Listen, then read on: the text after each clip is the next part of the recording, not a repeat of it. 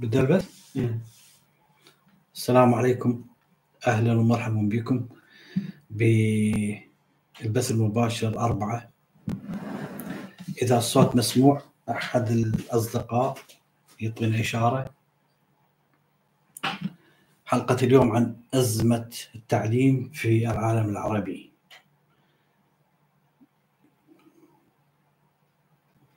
كيف حال الصوت؟ هل الصوت مسموع؟ أهلا ومرحبا.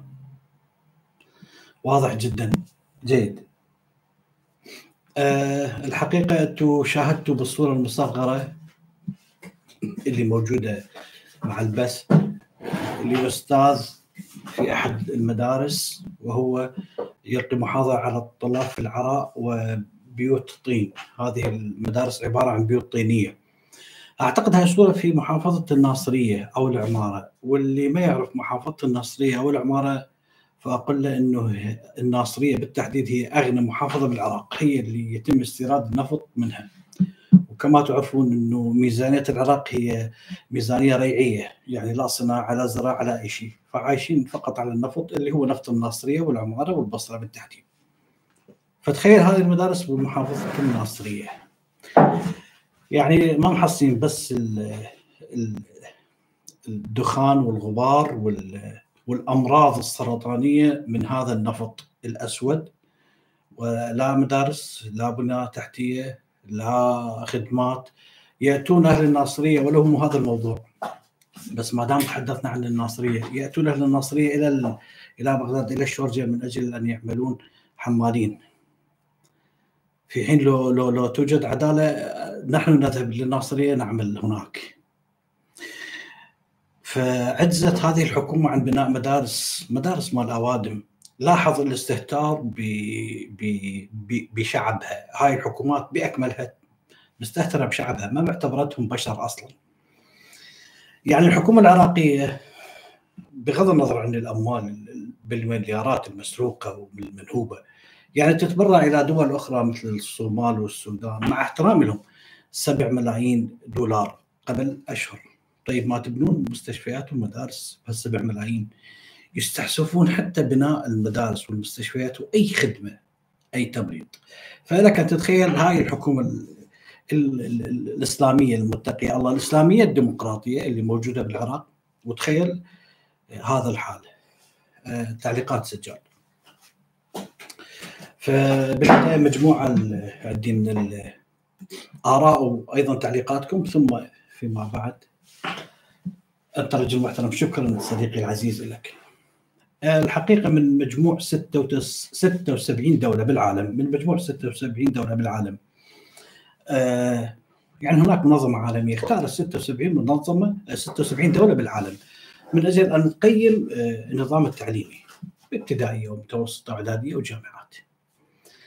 اذا عندنا 76 دولة. الإمارات هي اللي صدرت رقم واحد على الدول العربية لكنها كانت 45 بالنسبة لهاي 76 دولة. يعني الإمارات هي رقم واحد. رقم اثنين البحرين. اثنين البحرين اللي تأسست سنة 1971 أو 72 والإمارات اللي تأسست أيضا 71 أو 72 بينما العراق اللي تأسس 1921 واللي كل ما تتحدث في واحد قال نحن عمق تاريخي 7000 سنة. ونحن اللي اخترعنا الحرف للبشرية باكملها وللعالم وهذا كلام صحيح. خارج سباق خارج المنافسة خارج التصنيف.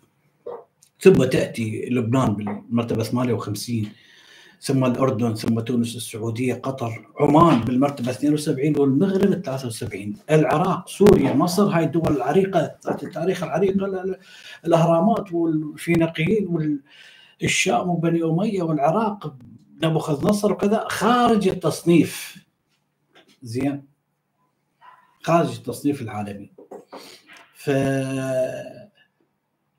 هاي من ضمن الأمور اللي نشكر عليها الحكومات العظيمة. الحقيقة هاي الدول ما اهتمت بالتعليم عمرها كله. يعني كما تتذكرون عندي حلقات تحدثت بها سابقة. إنه العراق رابع أقوى جيش بالعالم. مصر رقم 12 بالعالم وهي أكاذيب طبعا. أكاذيب. جيوش سلسله من الهزائم. يعني جيوش أصلا آه، تأسست من أجل قمع الشعب ليس من أجل الانتصار بحرب خارجية. يا ريت تتباهون بالتعليم إنه تعليمكم رابع أفضل تعليم بالعالم. يا ريت تتباهون إنه يا مصريين مثلا إنه التعليم عندكم 12 بالعالم. كلنا سنفرح لهذا البلد العربي. زين لكن هم يفتخرون 12 وكأنه يوميا داخلين حرب. تحدثت أنا أيضا في ضمن بالمنتدى شاهدت إنه التاريخ ندرسه بكل حذافيره. خصوصا التاريخ الإسلامي تاريخ الغزوات الإسلامية ندرسها بكل حذافيرها وهي إجرام وإذا تيجي تسألني المنظمات الإرهابية وداعش وأخواتها منين أتت؟ أتت من هذا التاريخ الممجد والممنهج بالمدارس اللي نمجد ببطولات لقاده مجرمين ارتكبوا جرائم في في العراق وبلاد الشام ومصر شمال أفريقيا وبلاد فارس. هؤلاء نمجدهم. هؤلاء اللي يجب أن نضعهم في مزبلة التاريخ ونحاكمهم. لا إحنا نمجدهم. طيب فما عدا ما بدا. من ثمارهم تعرفونهم. طيب إذا لا تعتبون على منظمات إرهابية تقتل وكذا. إذا أنت تمجد بقتلة. زين. تاريخ الفتوحات. ويا ريت فقط تاريخ الفتوحات. تاريخ الطالب يدرس تاريخ الثورات العربية بالكامل. تاريخ ثورات. وباليوم وبالساعة وبالدقيقة. وبال والثورة وهي كلها ثورات مهزومة. هي كلها ثورات لم تحقق أي نتيجة لشعوبها سوى فقط الخراب. ثورة أحمد عرابي وما علاقتنا نحن بعرابي هي أصلا ثورة مهزومة. آه، نص ساعة ثلث ساعة. أحمد عرابي ثلث ساعة صمد مع الإنجليز. وعندما القوا القبض عليه القوا القبض عليه خالد سبع حجابات. الحجابات تعرفون شنو الحجابات؟ هاي المثلثة اللي الأم تضعها للطفل. حتى ما يخترع ما يفز بالليل ما سبع حجابات مثلا هذه مجدو ومدارس باسمه. ما هو هذا الصعلوك حتى اضع مدارس باسمه وشوارع باسمه؟ أحمد عرابي لو يوسف العظمة اللي قاوم لي جيش جرار الجيش الفرنسي ومات من مات. كارثة. أيضا من ضمن هاي المختار عمر مختار والخطابي وهذا عبد القادر الجزائري وما علاقتنا بيهم. ما أنا كعراقي ما علاقتي بالجزائر. الجزائر ما علاقتك بالعراق. يا أخي ادرس تاريخك الجزائري العظيم. ادرس تاريخك المصري تاريخك الليبي المغربي وكذلك نحن ندرس تاريخنا. تاريخ الحضارات العظيمة السومرية البابلية الآشورية. ادرس تاريخ الفرعوني الفينيقيين وغيرهم. بلا هاي الأوساخ وهاي اللي اللي كلها هزايم وكلها جرت ويلات على شعوبها. تاريخ حروب وتاريخ ثورات ومعارك. زين. طبعا الثورات العربية بأكملها يدرسوها. والحقيقة لو مناهجنا لو إحنا نحن دولة محترمة دولة آه، علمية تعتمد التكنولوجيا والتقدم وكذا كان درسنا هذا التقدم والتكنولوجيا. لكن نحن بلدان ما ايد ورا وايد قدام. لا يوجد غير هذا التاريخ الأغبر يدرسون به زين. معارك. بطولات ضد الإنجليز وضد الطليان وضد الفرنسيين وضد ما أعرف إيش. زين. ما الذي سيستفاد الطالب من كل هذه الأمور؟ في تونس وفي موريتانيا وما أعرف وين. لابد من دراسة تاريخ الحضارات. أنا كعراقي يجب أن ندرس الحضارة السومرية والبابلية والاشوريه بالكامل. بالتفصيل. ومو بشكل تلقيني لا بحيث احببها للطالب بطريقة ما. كما الشعوب المحترمة تدرس حضاراتها اليونان وفرنسا وإنجلترا تدرس حضاراتها العظيمة لطلابها. نعم حضاراتنا عظيمة لكن لا أحد يعرف عنها شيء. ثق ما حد يعرف أشياء يعني ممكن سامعين باسم حمورابي لكن ما يعرفون السنة اللي حكم بها كم حكم القوانين اللي صدرها. يعرفون نبوخذ نصر. سبى اليهود لكن ما يعرفون متى الفترة اللي حكم بها. يعرفون الفرعون آه، رمسيس وكذا لكن من يا اسلم هاي الأمور كلها مجهولة. الغرب يعرفهم أكثر من عندنا. هؤلاء اللي يأتون ويزورون الآثار يعرفوها أفضل من عندنا. نحن نجهلها جهل تام جهل تام. مادة الدين الطامة الكبرى والمصيبة. ما الذي نستفاد من الدين غير الكراهية؟ يعني برا. أنا مو ضد الدين. أنا ضد مادة الدين ضد تدريس مادة الدين اللي هي الإسلامية بال بالمدارس. تريد تقول ملحد؟ لا ديني بكيفك. أنا مو ضد الدين. ضد تدريس هاي المادة بالإسلام. يعني إبراهيم يذبح ابنه أو الخضر يذبح طفل صغير وهذا الأطفال الصغار يعني أو بالمدارس عندما يسمعون هذا الشيء يعني انت تتخيل إيش راح تزرع دماغهم؟ ما هي داعش منين أيضا الذبح صح؟ لو خطأ. أنا ما أقول هاي الآية نشيلها من القرآن ونلغيها مثل ما سوى إبراهام لينكولن. إبراهام لينكولن لا العفو. إي إبراهام لينكولن لو توماس جيفرسون. توماس جيفرسون أعتقد. توماس جيفرسون الرئيس الأمريكي الثالث شطب لك من الإنجيل كل الآيات اللي بها قتل وخرافة وعنف وبقى فقط المحبة والسلام. أنا ما أدعو لهذا الشيء ابدا بس لا ندرس الأطفال. أنت تدرسهم مصايب قاتلوهم اقتلوهم. آه، يعذبهم الله وكذا. يعني بربك أنت مقتنع بهذا الشيء؟ زين درس الأطفال عمر ست سنين وعشر سنين واقتلوك. منين اتوا الدواعش لعد؟ الدواعش ولدنا. الدواعش والمنظمات الإرهابية هم كما يقولون الأبناء يأكلون الحصرم والابناء يدرسون هذول هم اللي إحنا إحنا زرعنا بهم هذا الفكر. طيب واضح؟ أول مرة بحياتي كنت بالمدرسة. أعتقد بالدراسة المتوسطة. فعندما دخل مدرس الدين في إحدى المرات وقال الغير المسلمين يخرجون فخرجوا اثنين طلاب طالب صابئي من الديانه الصابئه وطالب مسيحي. يعني وكل سنة خلال السنين اللاحقة إنه كانوا دائما الطلاب غير المسلمين يخرجون. بربك أنا أسألك سؤال. هذا قتل للروح الطائفي الروح الوطنية أم لا؟ ما إحنا متوحدين ندرس كيمياء وفيزياء وأحياء وبيولوجيا ورياضيات كنا سوا ولد شعب واحد ما عندنا تمييز. تأتي دارس المادية ونشعر بتميز لماذا خرج هذا؟ إذا هذول غير دين هكذا ونحن طلاب. واضح؟ واضح لو لا؟ كارثة. مو واضح. هاي مصيبة. مصيبة يجب أن نتنبه لها نتنبه لها لكن من يتنبه لها؟ أصلا تزيد تزيد تدريس الدين. يعني حتى لو بدهم يخلوا يجعلون بالدين بالرياضيات. اضرب 12 معصوم في 222 ألف نبي. وهكذا. يعني لو العيب يعني ما هو موقفهم. ولا يوضعوها يوضعوها حتى بالفيزياء. يوضعوها حتى بالكيمياء. زين. منزلق خطير جدا. هذا تدريس مادة التربية الإسلامية. لذلك كما كتبوا كثير من الأخوة راح نشوف تعليقاتهم إنه يجب أن نستعيض عنها بدراسة دراسة مادة الأخلاق اللي موجودة حتى باليابان وبغير الدول المحترمة. درسوا مادة الأخلاق مادة يستفيدون من عندها. زين. عندك أيضا الدين بشكل عام.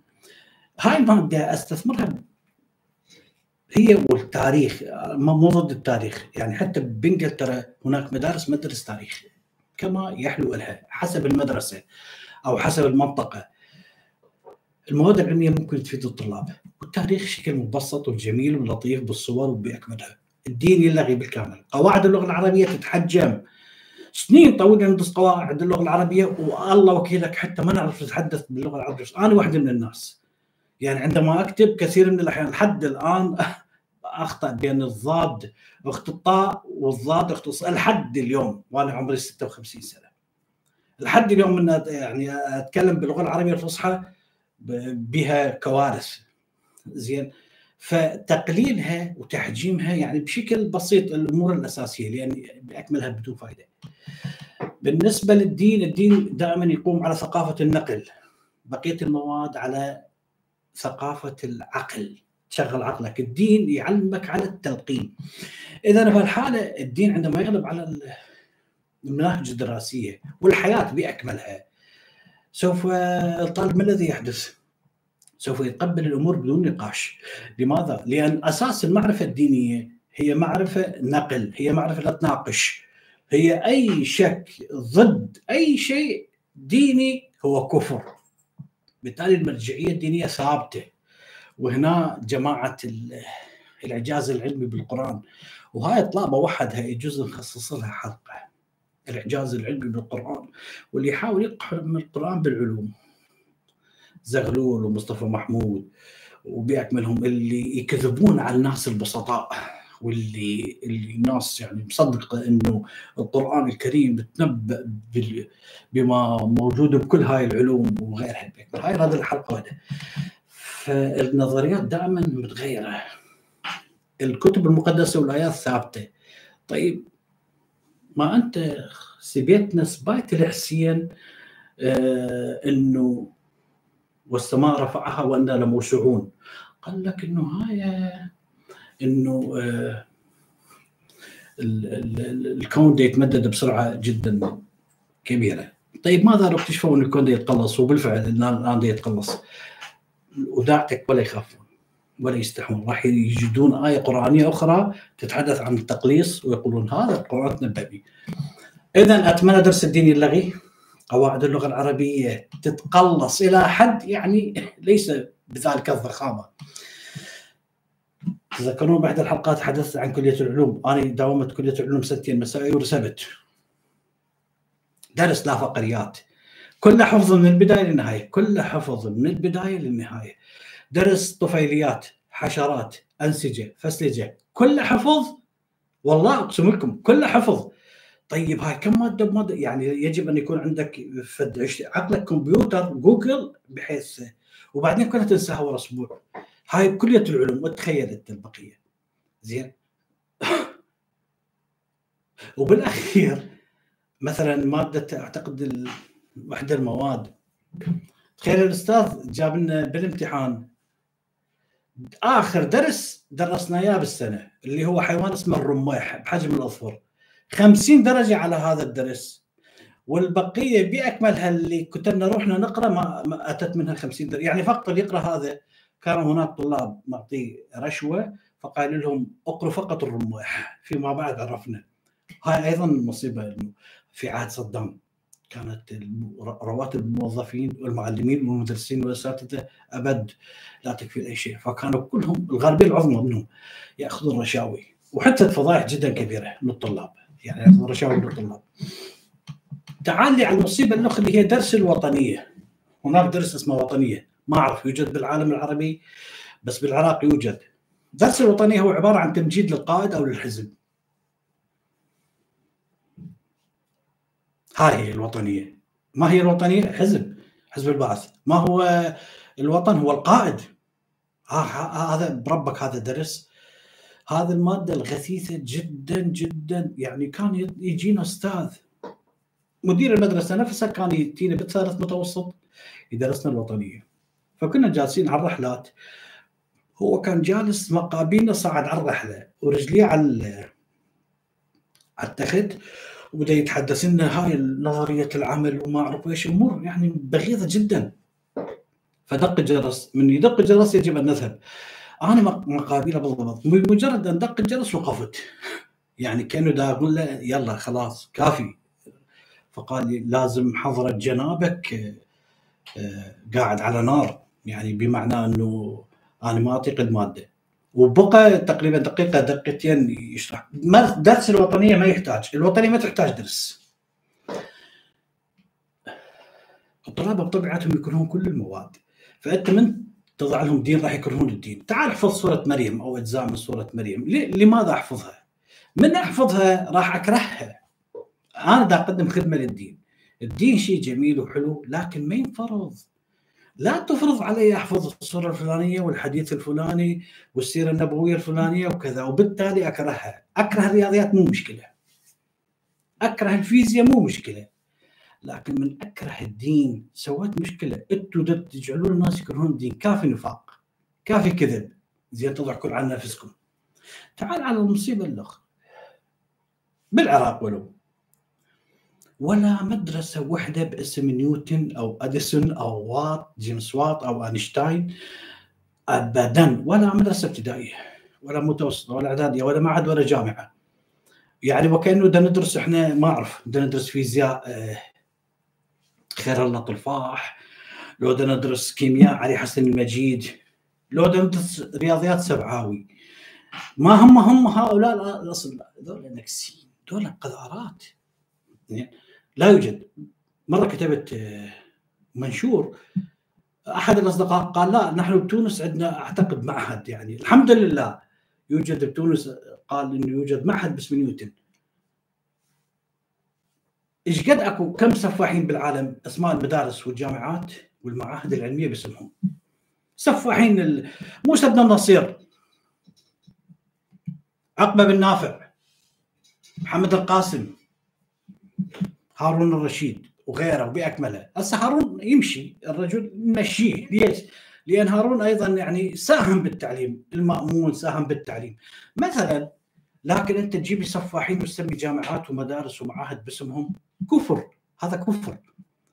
يعني يوجد تخيل بكل مدن العالم بالبرازيل شوارع باسم بغداد باسم القاهرة باسم دمشق. بوكاله ناسا ناسا توجد أفواه براكين أو أفواه جبال وكذا باسم ابن سينا باسم المأمون لأنه هو اللي أوجد الحضارة العربية الاسلاميه باسم الجاحظ باسم لا يوجد استنكاف. في في كل مدن العالم المحترمة يوجد أسماء عربية، العرب لا يوجد مثلا شارع باريس نتنقص من باريس، لا يوجد شارع اسمه شارع مثلا مدريد أو برشلونة أو غيره. فضلا عن الأسماء. زين. فأنزلوا من خيلائكم الفارغين. هاي سوالف مال الفارغين. فقط الفارغين هم اللي اللي يعني ينظرون إلى العالم بدونية. أنتم الدونيين اللي هم إحنا مجتمعات وشعوب. زين. لأن إحنا فارغين. الآن إحنا خارج السياق الحضاري. بالقليل نحترم هؤلاء. هسه دارهم نتركوه على صفحة. دارهم يراد الأطلاب هذا أطمية وحدة. لكن أديسون لا توجد مدرسة باسمه. أتمنى أي شخص بالعالم العربي يكتب لي يقول لا توجد مدرسة عندنا بفلان مكان وكذا. رحمة من الله. سنة 1978 أنور السادات الرئيس المصري اجتمع بوزير التعليم وبقتها اسمه مصطفى كمال حلمي. فقال له يا مصطفى الناس غضبانة ليه في الشوارع أنا عايزهم ينبسطوا بالامتحانات القادمة. فسوى نجح الأولاد يا مصطفى. العبارة بالضبط نجح الأولاد يا مصطفى. اللي صار إنه مصطفى نجح الأولاد. والناس انبسطت والعوائل انبسطت. وظلت لك النسبة دائما حسب ما تقول الإحصاءات. من 82% إلى 88% نسبة النجاح بمصر. بارتفاع. رغم المستوى الزفت. زين. بقى للعلم قيمة. أنا أضرب لك مثل. بقت لذلك حتى بالعراق حرصت الأنظمة على اختلاف توجهاتها أن تكون آه، نسبة النجاح دائما عالية وبالتالي هل هناك إبداع؟ هل هناك ذكاء؟ ما يحتاج ذكاء لأن الأولاد راح ينجحهم مصطفى واشباح مصطفى بالعالم العربي زين والله بالمدارس يدرسون خرافات خرافات يعني كارثة سجاد أسولف عن هذا الدكتور اللي ابو طابقتين لو عيب لا عادي. أسولف؟ ما حد يعرف. يعني راح أسوي لكم سالفة. يوجد دكتور مهندس بأحد الجامعات. دكتور مهندس. مهندس دكتور. يشرح للطلاب عن الهندسة. ماذا يقول لهم؟ يقول لهم الله قال للنبي إبراهيم ضع طابوقه طابوقه على طابوقة وابني بيت يعني زي بسط للطلاب. بشرفك هذا دكتور مهندس. يعني بس اساله سؤال. قل له زين هو نبي الله إبراهيم. طلع من زرف الحائط. أمه ولدته بمغارة. إبراهيم ولد بتشول. ما إبراهيم ولد بحضارة. قبل ما قبل ما يولد هن ب 3000 سنة الناس تبني بيوت. ما هو ولد بحضارة عراقية. البيوت والقصور موجودة. بربك إذا هكذا أستاذ دكتور مهندس يقول لهم الله. وحي وحي متعب نفسه والله مكلف نفسه حتى يقول له خلي طابقه على طابقه زين. ما هو أول إنسان ما بدأ يدجن الزراعة بدأ يخلي طابقه على طابقه. أنا بس أضرب لك الخرافات اللي يدرسوها الخرافات اللي يلقنوها ويقولوها لهم. فلك أن تتخيل بالتالي الإحصاءات سوف تثبت لك إنه التعليم عندنا زفت. يعني المدرسة اللي هي اللي هي الأمل اللي هي اللي ممكن ترفع من من شأن البلد. لا المدرسة أصبحت هي تجهيل. هي على سالفه إبراهيم وجماعته وكذا. طلاب يسمعون هراء من أساتذة. أما أساتذة التربية الإسلامية كارثة هؤلاء أساتذة التربية الإسلامية. زين. يعني ذول يلقنون الاطفال مو سيارات داخل المنهج المنهج الله طلع المنهج. لا يسولفون أمور خرافية وإعجازات وكذا ويبث الطائفية. فإذا كان الأستاذ شيعي يا ويل سواد ديل أبي بكر وعمر وعثمان ومعاوية ام المؤمنين. وإذا كان الأستاذ سني أيضا روافض ذول ذول العجم من محاسبه وهكذا. يفعل براحته يعني هو اللي يحب يقوله يقوله.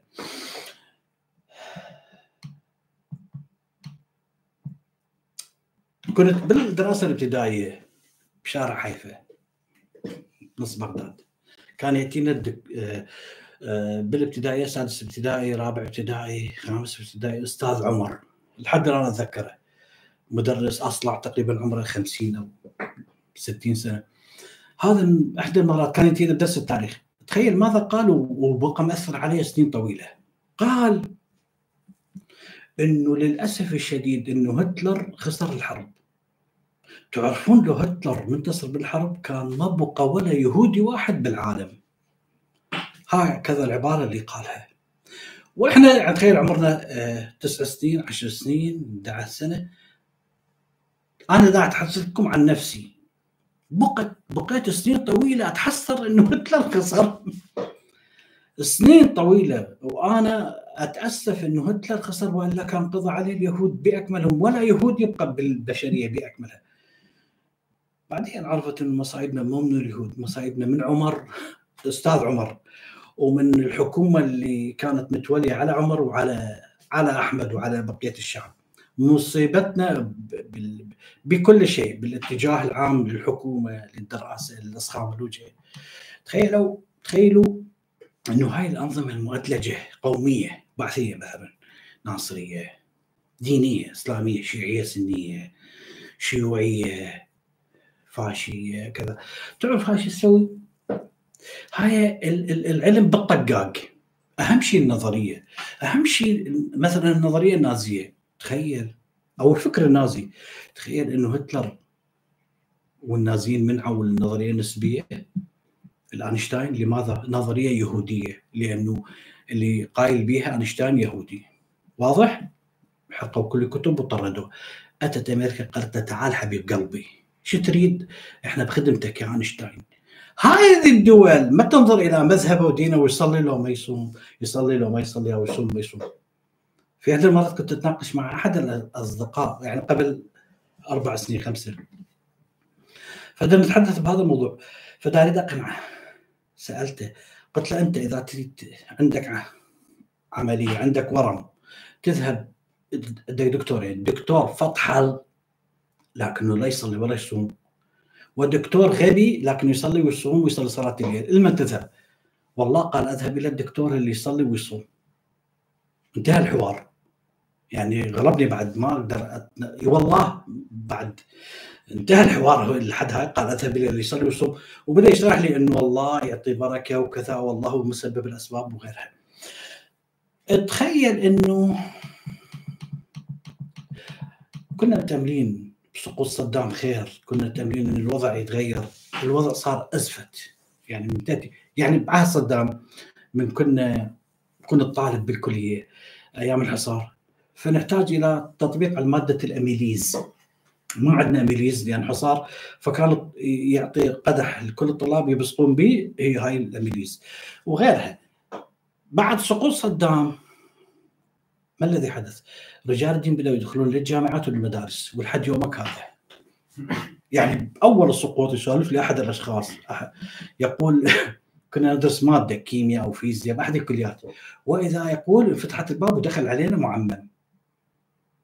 استرخص من الاستاذ وبدأ هذا يلقي محاضرة وبالأخير ختمها علي حسين وبدأوا يلطم هو والطلاب والطالبات وخرج لهذه الدرجة. الحد قبل أسبوع بالتواصل الاجتماعي دا يتناقلون فيديو إنه معمم داخل المدرسة الابتدائيه يقول لهم تريدون أيها أفضل البرتقالة المقشرة مقشرة أم برتقالة آه، غير مقشرة؟ يقصد يعني دا يضرب مثل على الحجاب إنه الحجاب هو برتقالة غير مقشرة.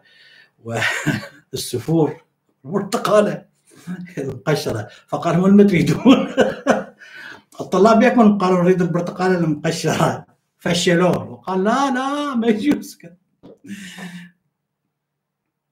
لما كان ابني سجاد بالرابع ابتدائي وخامس ابتدائي وأنا اقلب بدرس القراءة له شوفوا هاي السخافة شوفوا هاي المادة المكتوبه بالقراءة. أعطى شيخ سكينا ودجاجة لكل تلاميذ من تلاميذه السبعة. منطي سكين. هاي ابتدائية عشر سنين. وقال لهم أريد كل واحد منكم أن يذبح دجاجته بدون أن يراها أحد. إي والله العظيم موجود هاي بالرابع ابتدائي. ذهب الطلاب التلاميذ مع دجاجاتهم وسكاكينهم بالأخير السكاكين قام تذبح بينا. مع دجاجاتهم وسكاكينهم اختبأ كل واحد في مكان ما حتى ما حد يرى وذبح دجاجته. رجعوا كلهم إلى الشيخ وكلهم ذبحوا دجاجاتهم إلا واحد. سأله الشيخ لماذا لم تذبح دجاجتك؟ تذبح. فقال أردت أن أذبح دجاجتي فعرفت إنه إذا لم يراني أحد فإن الله سيراني. فابتسم الشيخ. الغبي الأهطل وقال بارك الله فيك. فضحكوا كلهم ضحكوا علينا طبعا ضحكوا وأكلوا الدجاجات. سبع مرات ذبح وسكين وكذا. وش سألون؟ من أين اتى؟ في احدى المرات يوجد عراقي معمم مو معمم بس هو إرهابي كان يطلع بشاشات التلفزيون. اسمه فخري القيسي. إذا لم أكن أخطأ. هو قيسي بس اسمه الأول فخري أو كذا القيسي. تعرف ماذا قال؟ بالتلفزيون وبقناه العراقية وبالمباشرة. فقال احد الأشخاص قال له يعني لما ذبحوا؟ كانت دا مو ليست داعش هذا كلام 2006 و5 و6 و7 فقال لماذا ذبحوا هؤلاء الناس بالسكين؟ قال لا تعرف أعطيك معلومة. الذبح بالسكين أرحم من الطلقة؟ نعم. عندما تذبح إنسان بالسكين سوف ترحمه لأن راسا تتقطع شرايين بينما الطلق والله. وثاني يوم صارت فضيحة يعني على قناة العراقية وبدأوا الناس اسمها القيسي. ما أعرف وين صار هسه بيام زبله فتخيل إنه الطلاب يدرسوهم آه، اذبحها وهي شلون قصة سخيفة؟ إذا لا أيضا ممكن يذبح دجاجة ويقول له أنت قصدت إنه ما حد يراني من الأشخاص وإذا بي يسويها عالم ميتافيزيقي والله يراني وذبحوا واكلوا الدجاجات مو نسأل نفسنا لماذا نحن متخلفين؟ لماذا اليابان يعني في طرف القائمة ونحن في الطرف القائمة في كل شيء وبالتعليم بالتحديد. لماذا؟ لأنه لاحظ هي هاي المناهج هذا الذبح وهذا الصلخ من البداية هذه كما نقول هذه بضاعتنا وردت إلينا. ردت بالأخير السكاكين قامت لما تذبح. أصبح جدا عادي. هسه بالمسجد من نتحدث لك عن الذبح. آية قرآنية بها ذبح إبراهيم راد يذبح ابنه. الخضر ذبح واحد. عمي هم ماشية. آه قبل ما أنسى. السادات عندما آه عمل صلح مع إسرائيل بعد اتفاقية كامب ديفيد قرأتها بالوطن العربي. لربما كذب أو صدق. مجلة الوطن العربي. لأن أيضا بالأخير مجلة الوطن العربي كانوا مشتريها البعثيين العراقيين وكذا. أصدر أمر السادات لجميع المساجد عدم ذكر أي آية تذم اليهود. بربي أحسن قرار يتخذه أبي أقرأ القرآن كاملا. لكن بالمسجد بسمع لازم اليهودين تولد كراهية وكذا ما أعرف أنا أيضا لو بيدي هاي الآيات مال الذبح والقتل والقتال أمنعها بالمساجد. يبقى انت بيتك تقرأها أفضل. لا مره صعدت مع مع صاحب سيارة تاكسي من الصبح بالخمسة الصبح. ذهب إلى جورجيا السوق قبل سنين. والله يعني دعاء بالمسجل. دعاء رهيب. يقول هذا دعاء إذا متت إلهي إذا متت اخرجني من قبري عريانا حاملا سيفي. يعني هو هيكل عظمي وحامل سيف. واقتل بالناس. يعني حتى هو ميت الناس مسألة ماله منه. يدعو من الله إنه حتى لو يموت بعد أن يحدث أمر. ما أريد اقوله لأن أخاف يحدث فد أمر عظيم بالبشرية. اخرجني أقاتل. هو هيكل عظمي. مثل هاي الأفلام الأمريكية اللي تشوف مثلا يطلع هيكل عظمي قاتل وغيره. الخمسة الصبح. فهاي الأدعية هاي ما الذي يعني لها تأثير لو ما لها تأثير على المجتمع. أنت قل لها تأثير لو ما لها تأثير. هاي تأثير قاتل. يعني بالوقت اللي إحنا اكتشفوا ماء بالمريخ اللي ضربوا صاروخ على القطب الجنوبي المدري الشمالي من القمر من أجل أن يشوفون هل يوجد ماء أو لا. درس الأطفال أستاذ أعطى سبع دجاجات وسكاكين يذبحوها. ندرسهم تاريخ ال ال يا ريت تاريخ الحضارة الأموية والعباسية مثلا هذا شيء جميل. لا ملوك. الملوك والقتال والفتوحات. فتوحات يعني فتوحات الأمويين. هي المسلمين سالمين من الأمويين لو من العباسيين حتى يذهب معاوية أو عبد الملك يهدي شعوب أخرى. ما هو هو, هو شعبا بيس. ما هو الكعبة رموها مرتين بالحجار هجموها الكعبة. على عبد الله بن الزبير وعلى أهل المدينة ما فعلوا كل بكذا ألف أمرأة بنت صحابي باقعة الحرة. هؤلاء هم لا ذاهبين للامازيغ يهدوهم يهدوهم للدين الصحيح.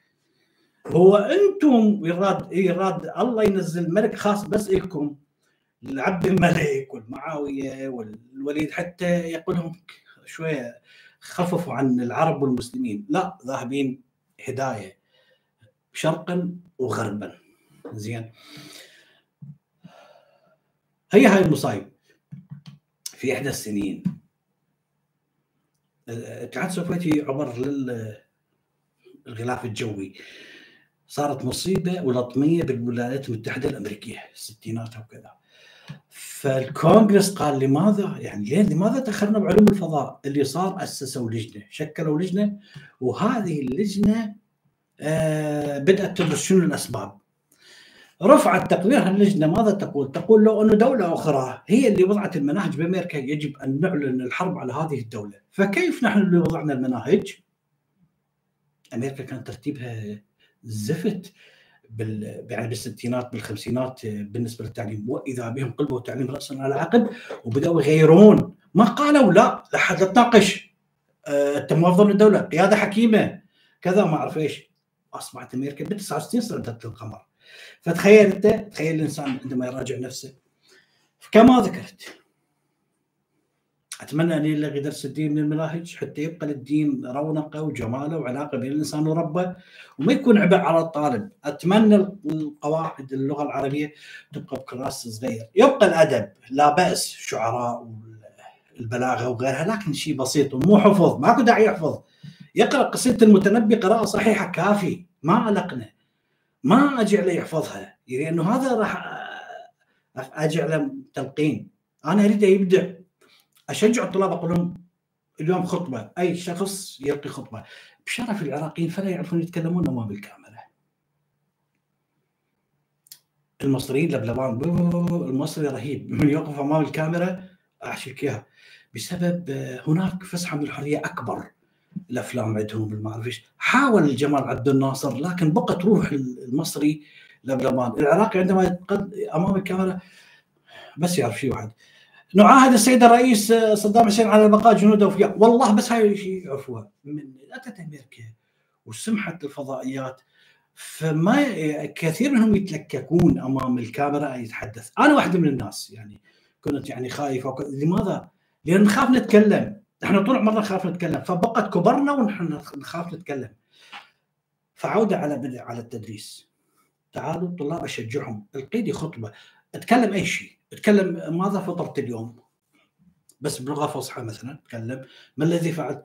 عندك موهبة شعر؟ موهبة كذا؟ موهبة أدب؟ أقول لهم مثلا اليوم كل شخص يريد يقرأ هاي الرواية لمدة أسبوع. رواية صغيرة مقبولة. وهكذا. بدل هذا القرف اللي يدرسوه إياه.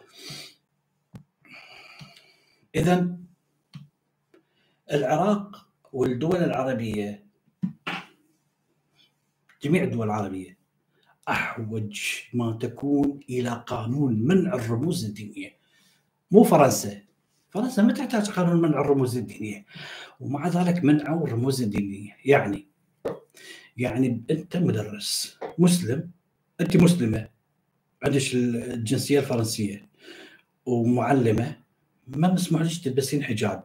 بالمدارس الحكومية اللي دولة تدفع ضريبتها مدارس أهلية روحي.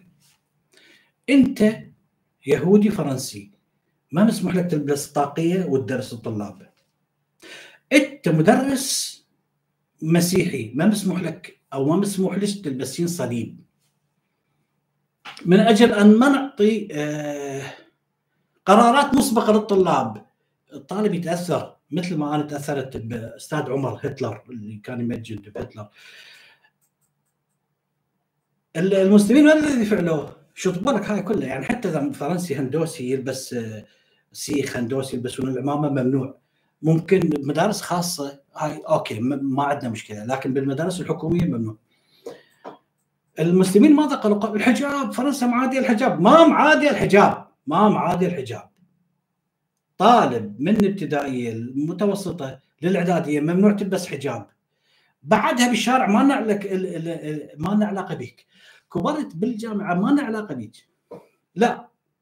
حرقوا بدأوا يشوشرون ويطبلون على فرنسا عدوة الإسلام وغيرها وبأكملها. نحن أحوج إلى هذا من فرنسا. ما أقول يعني هسه الحجاب مو مشكلتنا الحجاب أو غير كذا. أنا ما عندي مشكلة بالحجاب لكن مشكلتنا على ال ال هاي الرموز التخلف والمصايب اللي الأساتذة يلقونها من ضمن الأمور المصيبة إنه آه، كما ذكرت انه السادات كان آه، يعني نجح الأولاد يا مصطفى. جماعة أيضا في عهد صدام لحد الآن دائما ينجحون بهم. بعهد صدام خمس درجات لأي شخص أبوه شهيد أمه آه، أخوه شهيد كذا يعطوه خمس درجات. الآن أيضا نفس الشيء أي شخص عاد ما صدام إلى خمس درجات أو كذا ما اعرف إيش بحيث الطلاب بدأت توصل عندهم درجته 105% هذا 105% يعني باليابان إذا ما يعرف يقول لك هذا إنه عقله تجاوز أينشتاين تجاوز كذا هو ما يعرف كلها درجات وكذا. مصيبة هاي مصيبة أيضا. عندنا نقطة وأنا ملاحظها. من الابتدائية لحد الإعدادية وحتى المعهد معهد النفط وحتى بالجامعة. ولا يوم واحد أقسم بالله ولا يوم واحد كانت هناك تواليت نظيفة. ابدا ابدا ابدا. هسه ما يخالف قابلين دراسة هاي السبع دجاجات والذبح بس نظفوا التواليت. أبد لا أحد يمها زين. يعني أتذكر العراق بالثمانينات قمة الخير. من 73 74 75 75 بدأ العراق يعني ينمو. لا توجد أي تواليت. طبعا تعرفون عذرا. رقي المجتمع هو بالتواليت. سأل أحد الأشخاص ما هو رقي المجتمع؟ قال التواليت الناس بحاجة إلى هذا الأمر بالشوارع بالكذا. لا يوجد أي شيء من هذا القبيل. مو هذا موضوعنا هذا هم مصيبة طلابه يرادلها تعرف أنت بالجزائر أحد الأشخاص؟ أو ما أحد حتى كتبوها بالتقارير إنه مدرسين بدأوا يلقون محاضرات بالابتدائية والمتوسطة وهم باللحى والدشاديش. حتى الحكومة الجزائرية تخاف منهم. بالدشاديش يلقي محاضراته. صلحوا لي إخواننا الجزائريين إذا كلام خطأ. زين. معممين الآن يدخلون للمدارس. مصر عندما تنظر إلى صور المدارس بالخمسينات والستينات رهيبة. الآن كلها شادور أفغاني شادور أفغاني. من الطالبات للكبار طبعا الكليات الأهلية والجامعات الأهلية هاي حطمت الدراسه بالعراق لأن كلها هم فلوس. فهاي أيضا خراب فوق الخراب وبالتالي شهادات عندنا ولا تقدم ولا تطور. بالتالي تخيل بنت وزير التربية نجحوها رغم هي كانت راسبه قبل سنة من صار وزير التربية نجحوها والتقييس على أولاد المسؤولين باكمل أو حتى هاي الطالبه المصرية اللي بدلوا أوراقها وأعطوها صفر. يصيحوا لها الطالبه صفر. معروفة ابحثوا عنها.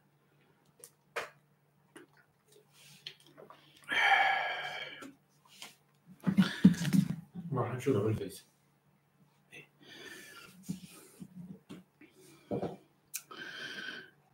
مادة الدين الغبية إلغاء للفكر يا عم. المشكلة غباء هؤلاء المدرسين. المشكلة يتقاضون أموال جراء ذلك. مقابل تلقين الهراء اقامه اي صحيح. تواليت مدرسة أفوت عليه. مو عيب الدشداشة. إي والله عيب. السلام عليكم أستاذ أحمد. نفس الشيء مستويات التعليم عندنا في المغرب طبعا كل العالم العربي أنا كنت أعمل بمدرسة بالسويد للأطفال فقط للتنظيف بيقوموا ثلاث عاملات عشرة آلاف دولار فقط للتنظيف الله أكبر شنو رأيك بأفكارك؟ أستاذ شنو أفكارك لحل مشكلة الشعب العراقي؟ ما تنحل لو ينزل جبريل. نعم حتى في الجامعات يدرسون باللحية.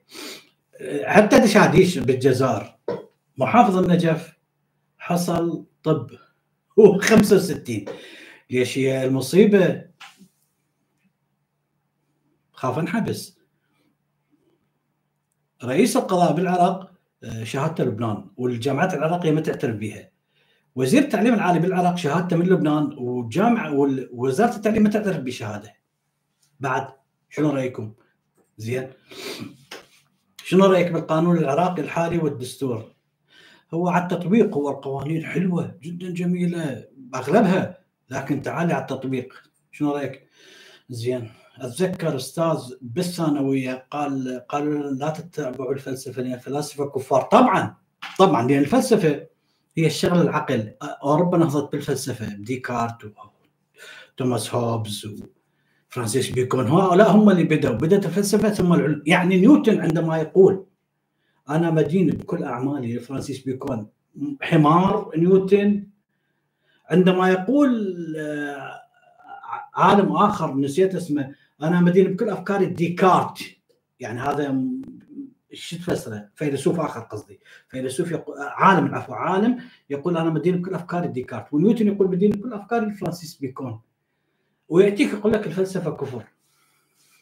زين أستاذ أحمد المثلية بالمدارس كارثه الله أكبر.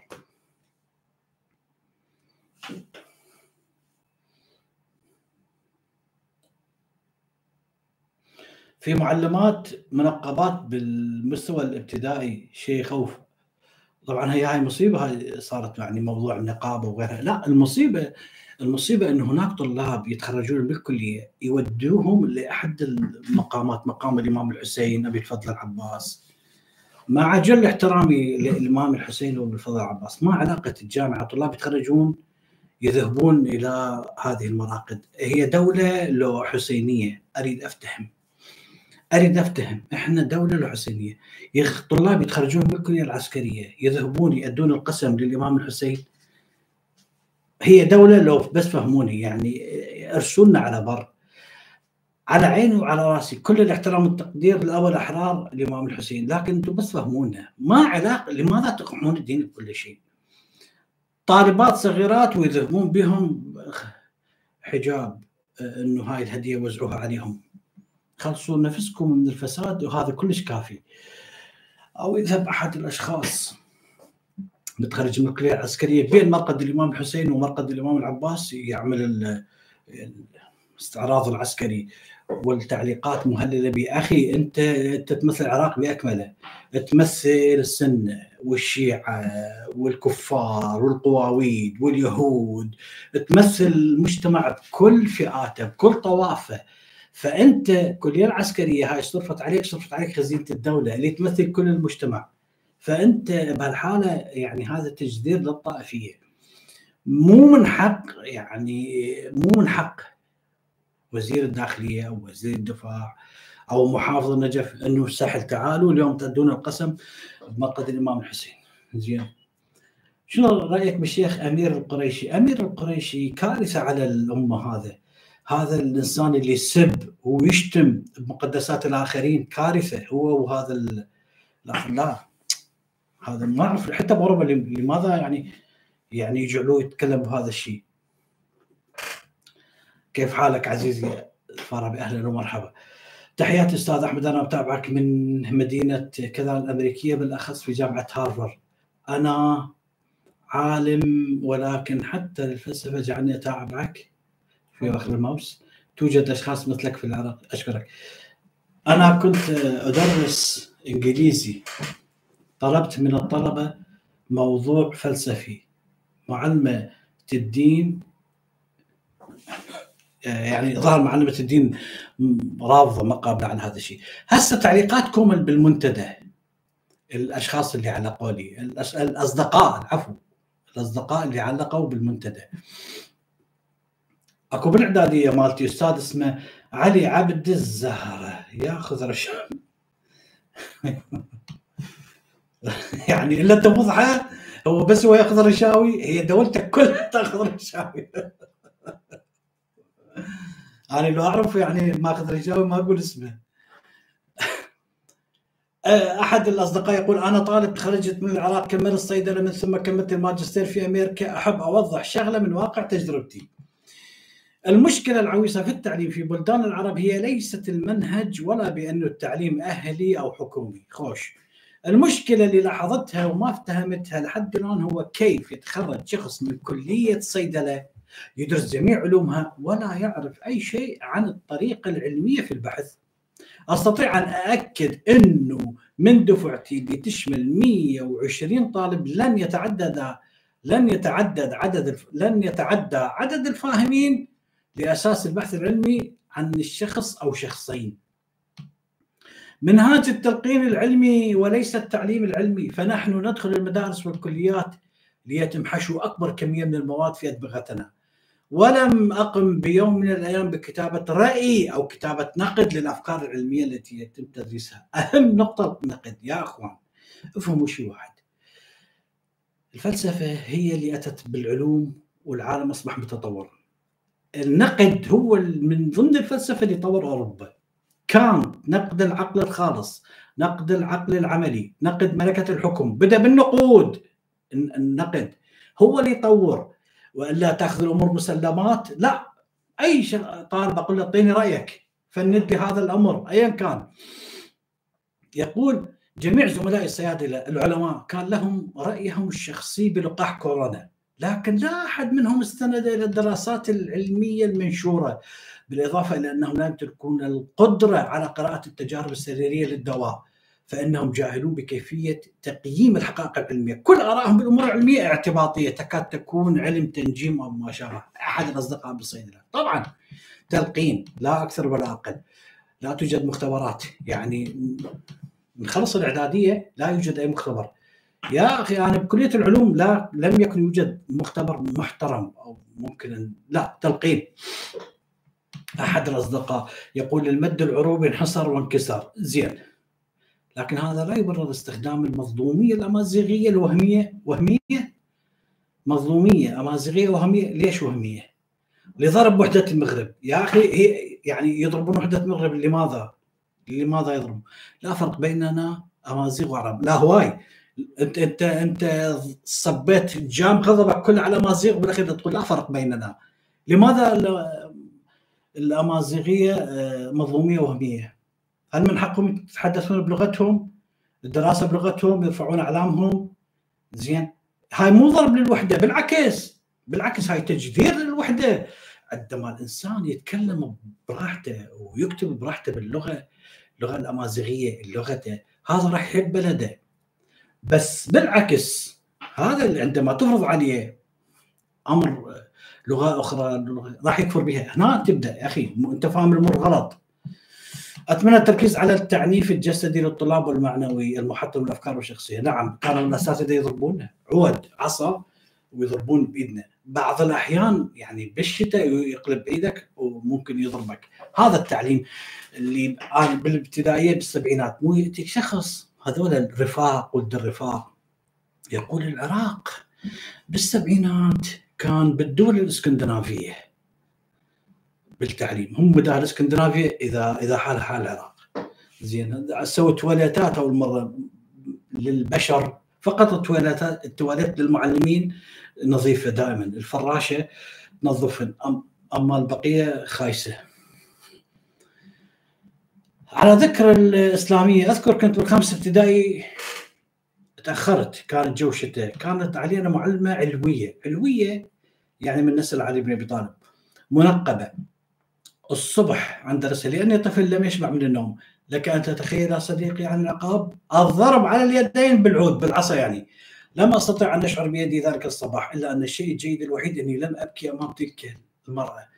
منذ ذلك اليوم وأنا أكره كل شيء له علاقة بالمدرسة. أنا الآن طالب جامعي وإلى الآن أشعر بالفزع في امعائي حرفيا عند ذكر الامتحان وما شابه إلا أني أصبحت أكثر وعي بنفسي ومخاوفي. لحد الآن لحد ما كملت آه، إعدادية وحتى بالمعهد عندما يكون أنا شخصيا عندما يكون عندنا امتحان أمعائي يحدث فيها لولات.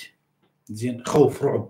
مدارس رعب. مدارسنا مو رحمة كما رعب. مو يعني نقمة يعني حتى فترة الاعداديه كنا ننجح لأنه اللي يرسب يذهب إلى الحرب. مصيره بالجبهة يعني ينقتل يخسر شبابه فكان تحدي جدا كبير. رغم كرهنا لهذا الشيء. زين. أحد الأصدقاء يقول بسبب تحكم المؤسسات الدينية بمقررات التعليم مثل السعودية رجل صديق سعودي أعتقد أحمد أحمد أحمد حمزة مثل السعودية تأتي الاختبارات من الوزارة بمعنى لا يسمح للدكاترة ولا الأساتذة وضع أسئلتهم بنفسهم هذه فقط الاختبارات فما بالك بالمقررات والمناهج الدراسية.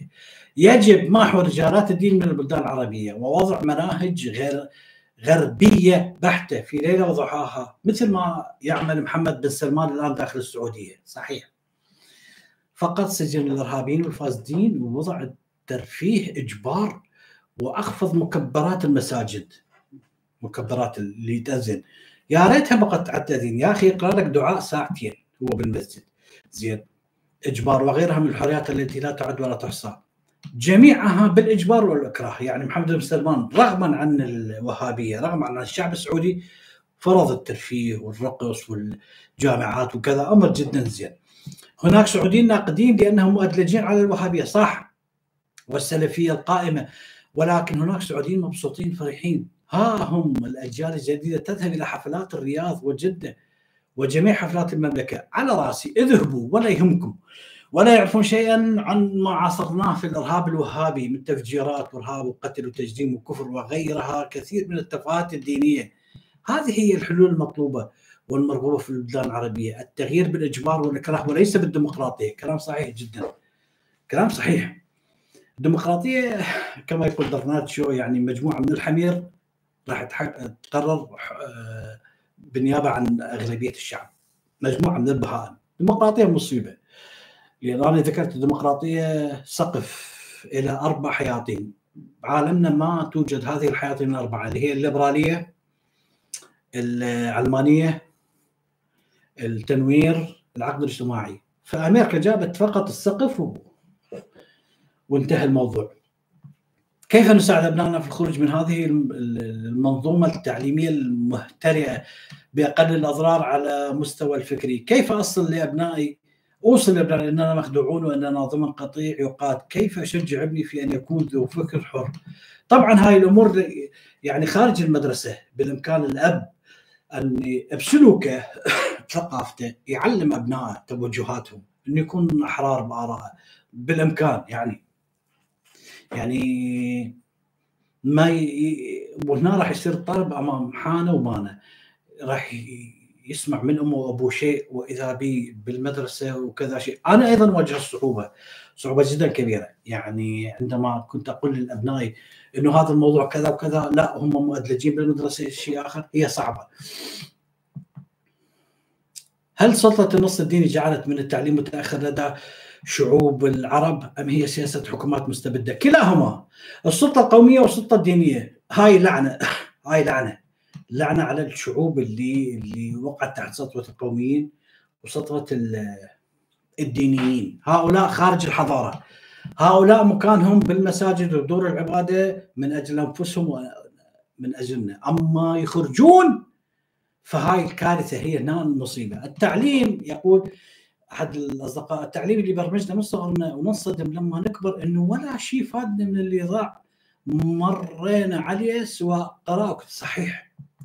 يعني تتخرج من الإعدادية حتى لو تذهب إلى قسم علمي أنت ما تفهم أي شيء تبدأ بالرياضيات من جديد بالفيزياء من جديد بالكذا من جديد. زين. الله يكتب اللي فيه الخير. هذا تعليق من أحد الأصدقاء. فقط. الله يكتب لي فيه الخير. يعني. ما أريد أفهم كيف الله يكتب لي فيه الخير؟ يعني هاي اليابان تخطط وتنظم وترتب لمستقبلها والحاضرها وتسوي الشيء اللي بالخير نحن ننتظر الله يكتب لي فيه الخير؟ كيف يعني الله يكتب لي الخير؟ مو هنا هي هاي المصيبة يا أخي. على عيني وعلى رأسي ربك وتؤمن بي وكذا. لكن هكذا أقوال انه الله يكتب لي الخير يعني كيف راح يوضع لنا مناهج حقيقية؟ راح يطور ال- السياحة والاقتصاد الله إيش راح يسوي لك؟ وليش أنت من دون البشر؟ ما هو هاي العالم باكمله مروا بمصايب ووصلوا اليابان والعالم الغربي وإذا بهم خيرات الأرض كلها عليهم، أنت لا الله يكتب لك وليش أنت يعني شنو ميزتك؟ الله يكتب لي بالخير. هذا مثل مثل وزير النقل العراقي السابق. أموال موجودة من الدولة من الميزانية لوزاره النقل. يابا وين المترو؟ شو المترو؟ صار لكم 10 سنين تحشون عليه ولا يوجد مترو. فقال نسألكم الدعاء. وزير النقل العراقي. فنفس الشيء نسألكم الدعاء نفس مالنا الله يكتب اللي فيه الخير. مو الله هو يعني عرض حل شيء عندكم يعني حتى يكتب اللي يبيه الخير. كيف؟ الله نفسه اعطاك عقل قال اعملوا. فسيرى الله عملكم ورسوله والمؤمنون. قال فانظروا في الأرض. سيروا! فانظروا في الأرض! كيف بدأ الخلق؟ لا يكتب اللي فيه الخير. أحد الأصدقاء يقول هذه معتقلات وليست مدارس تعليمية. إي والله معتقلات معتقلات رهيبة بحيث الغالبيه العظمى كانت تهرب كانت تهرب من المدرسة.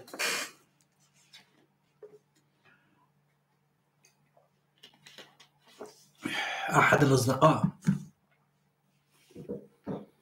يقول كيف أعرف أن هذا التاريخ غير حقيقي؟ لناخذ مثلا قصة وفاة الرسول. الشيوخ لا يذكرون شيئا من أحداثها. تاريخ مصيبة. إذا تريد تنبش عن التاريخ وهي توجد نقطة يعني أنت صح بالسبعينات والثمانينات والتسعينات ما أمامك غير المنهج الحكومي بالدراسه والتلفزيون والراديو أيضا حكوميات والجرايد والمجلات والكتب كلها بأمر الدولة. الآن دخل لك التواصل الاجتماعي.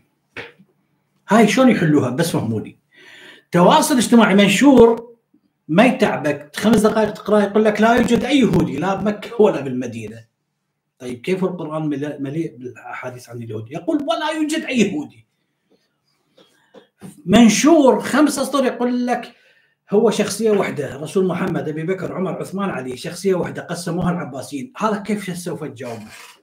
لاحظ لاحظ أنتم أنتم لو تجعلون الفكر حر من البداية. لن تحدث هكذا صدمات واضح؟ التواصل الاجتماعي عراكم وبعدكم بنفس عقلية المناهج الدراسية والرقابة الحكومية تتصرفون. اليوتيوب والمواقع التواصل الاجتماعي بدأت تتحدث عن مصايب. زين. تقول لك لا يوجد أي دليل على وجود لا الرسول محمد ولا الخلفاء الراشدين. أول دليل وجود معاوية. معاوية توجد عملة حامل صليب. معاوية طلع مسيحي. الأمويين طلعوا مسيحيين. يا ناس يا عالم الأمويين مو مسلمين. عبد الملك هو اللي قلب الدولة إلى إسلامية بسبب عبد الله بن الزبير.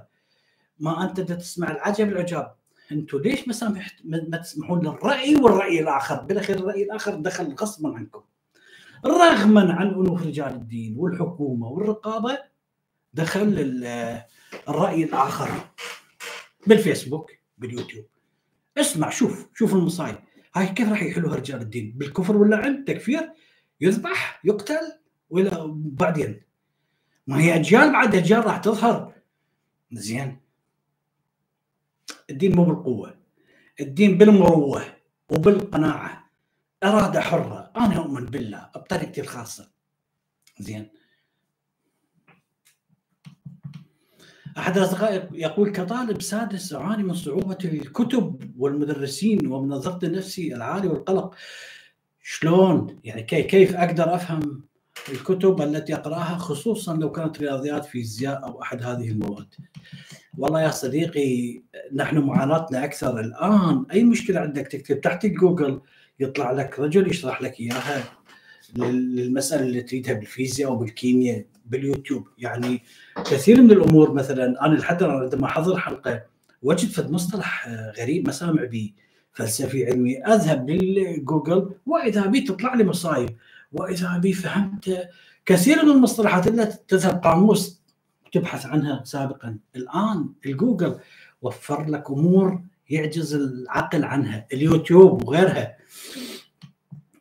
مشكلة العلوم الإنسانية يتم معاملتها حالها حال العلوم الطبيعية وهاي المصيبة لا سؤالك بالعكس المفروض.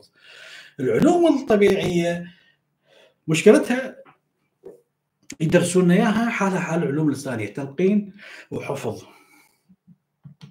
أنا أقترح إضافة نظرية المعرفة للمراحل الدراسية الأولى. من الابتدائية حتى الإعدادية حتى المنطق وأهم شيء استبدال الماده الإسلامية بالأخلاق الإنسانية لتجنب اي نوع من انواع العنصرية لأن الدين لا يدرس الدين لا يدرس الدين يؤخذ بالذائقة. أي والله.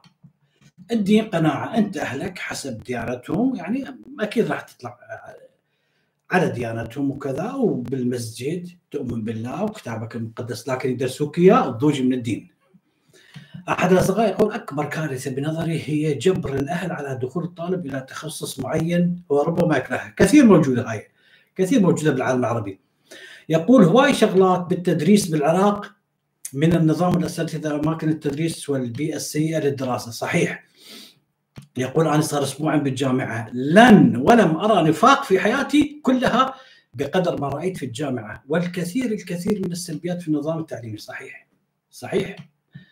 يعني كأنه آه كأنه الجامعات اللي عندنا يختارون نخبة من هؤلاء المعقدين. خصوصا ذول اللي يضعون أسئلة وغيرها. يعني انتقام من الطالب انتقام. يقول أتوقع البث يحتاج عشر ساعات من النقاش لأن موضوع التعليم بنظري هو واحد من أهم المواضيع في الوقت الحالي. لازم تطرح أفكار لإصلاحها ومع انه من المواضيع اللي لازم يتم تسليط الضوء عليها. نجد معظم الوزراء هم مجموعة من الهتلية. الهتلية مصطلح عراقي معناه اللا اخلاقيين، لديهم آراء متخبطة، عدم وجود تنسيق ابدا. كما ذكرت وزير التعليم العالي العراقي شهادته من لبنان وزارة التعليم العالي عندها أحد قوانينها يقول شهادات لبنان وإيران ما معترف بها وأنت تخيل. أنا بس أريد اذكر لكم شيء واحد على على ذكر الوزراء وغيرها. شوفوا هذا العالم بأكمله. العربي والغربي لن تجد شخص معادي للبعث كما تجد أحمد الفارابي أنا لو أصبعي بعثي اقطعه زين. بس راح أقول كلمة حق. في احدى السنين أحمد حسن البكر اللي سبق صدام حسين. جميع الوزراء في رئاسة في وزارة أحمد حسن البكر جميعهم باستثناء طبعا الداخلية والدفاع ذول مجرمين لا بقية الوزارات الصحه التعليم كذا. وناس عندهم شهادات. واصلين ويحبون بلدهم باعثين كان أحد الوزراء بعهد أحمد حسن البكر اللي يعتقد اسمه محمد عايش حزبي كبير. فكان هذا عامل يعني عامل بوزارة الصناعة. كان يحمل درج إذا عطل بلتي بالعمود الكهربائي يصعد. فمن عامل يحمل الدرج وضعوه وزير. لماذا؟ لأنه هو بحثي كبير. واضح؟ مع العلم أيضا خدم الدولة. كان أحمد حسن البكر كما يقول أحد الأشخاص قريت مذكرة كان عندما يتذكر إنه عنده وزير الصناعه كان يحمل درج كان يضع هكذا إيده على وجهه خجلا ويشعر بالعار. اسمعوا مني الأضرب. صدام حسين اللي حكم من 79 ل 2003 ولن تجد شخص يكره صدام كما أكره أنا. أبدا. جميع وزرائه. باستثناء أقاربه وناس شرفاء باستثناء مثلا خير الله طرفاح ابن خالته وأخو زوجته أخوته برزان سبعاوي وطبان علي حسن المجيد حسين كامل عدي قصي اللي طهم وزارات ومؤسسات. باستثناء هذول هذول هم أحد أسباب سقوط صدام. باستثناء اتكارته أقارب صدام جميع وزراء صدام أشراف. وأصحاب شهادات وخدموا بلدهم وخدموا و... و... رغم إنه توجه الدولة أحيانا كثيرة ما مهتم بالتعليم أو بالصحة أو كذا لكن هؤلاء أناس أشراف. اقولها للتاريخ يعني تخيل وزير الإسكان اللي كان علينا اسمه معن عبد الله سرسم من أهل الموصل؟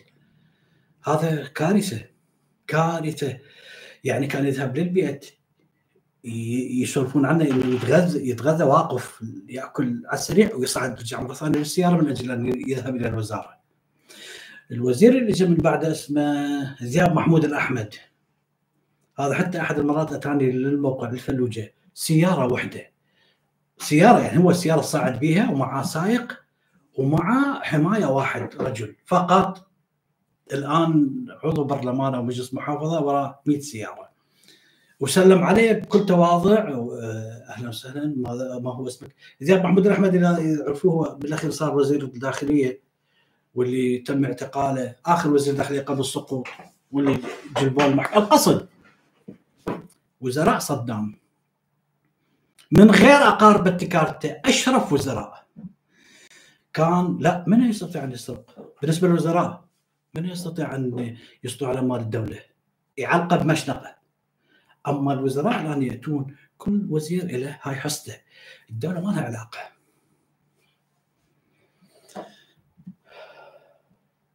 يقول بالإضافة لموضوع العطر العطر إذا مجرد تغيم يعطون عطله الآن مو تمطر. تغيم إذا تغيم يعطون عطل. عطل جدا كثيرة. بالتالي يعني تلاحظ التعليم إلى أين وصل. إجازات كل شوي. نعم هذا يجعل من النظام فوق ما هو سيء صار اسوء توقع البسيط أيضا متجه نحو الاصلاح أكيد. زين. يقول أحد الأصدقاء أهم مشكلة تعاني منها التربية والتعليم في العراق عدم التعامل الصحيح مع التلاميذ والطلبة. لهذا تجد كل أنواع التعنيف اللفظي والجسدي والنفسي في المدارس العراقية. عليه فإن كل المعلمين والمدرسين بحاجة إلى دورات تدريبية. والله لو يودهم لليابان. فلا يفيد بهم. لو يودهم لليابان. زين. ما يفيد وياهم. من يرجع يرجع نفس ذيك الطاسة وذاك الحمام. أحد الأصدقاء يقول أنا أداوم بالتربية. الفساد واصل للهامه يقصد الهامه هنا. يعني الفساد واصل للهامه هنا. تخيل صارت مشكلة بالتربية واحدة يقول الثاني راح أجيب عشيرتي. نعم نحن بلد عشائري. لا, لا قانون ولا دولة. بالبرلمان اثنين أعضاء بالبرلمان اللي المفروض يشرعون قوانين للدولة عندما تحدث بينهم مشاجرة على الفضائيات يقول كل شخص يستنجد بعشيرته. أعطيك الأضرب منها؟ أحد رؤساء الوزراء حدثت عنده مشكلة مع أحد الميليشيات. دخلوا له لحد القصر. استنجد بعشيرته ودخلت عشيرته بالخط مع تلك العشيرة من أجل فضل اشتباك وانسحاب من القصر الجمهوري بعد بالمناسبة أحمد حسن ذكر الرئيس القبل صدام منع العشائرية بالكامل. كان حتى ممنوع تلبس دجاشه ممنوع حتى تلبس دجاشه والتسوق مثلا. يعني بدأ العراق يتطور بال 75 76 ما رجع العشائر إلا صدام عندما دخل الكويت بال 91 زين.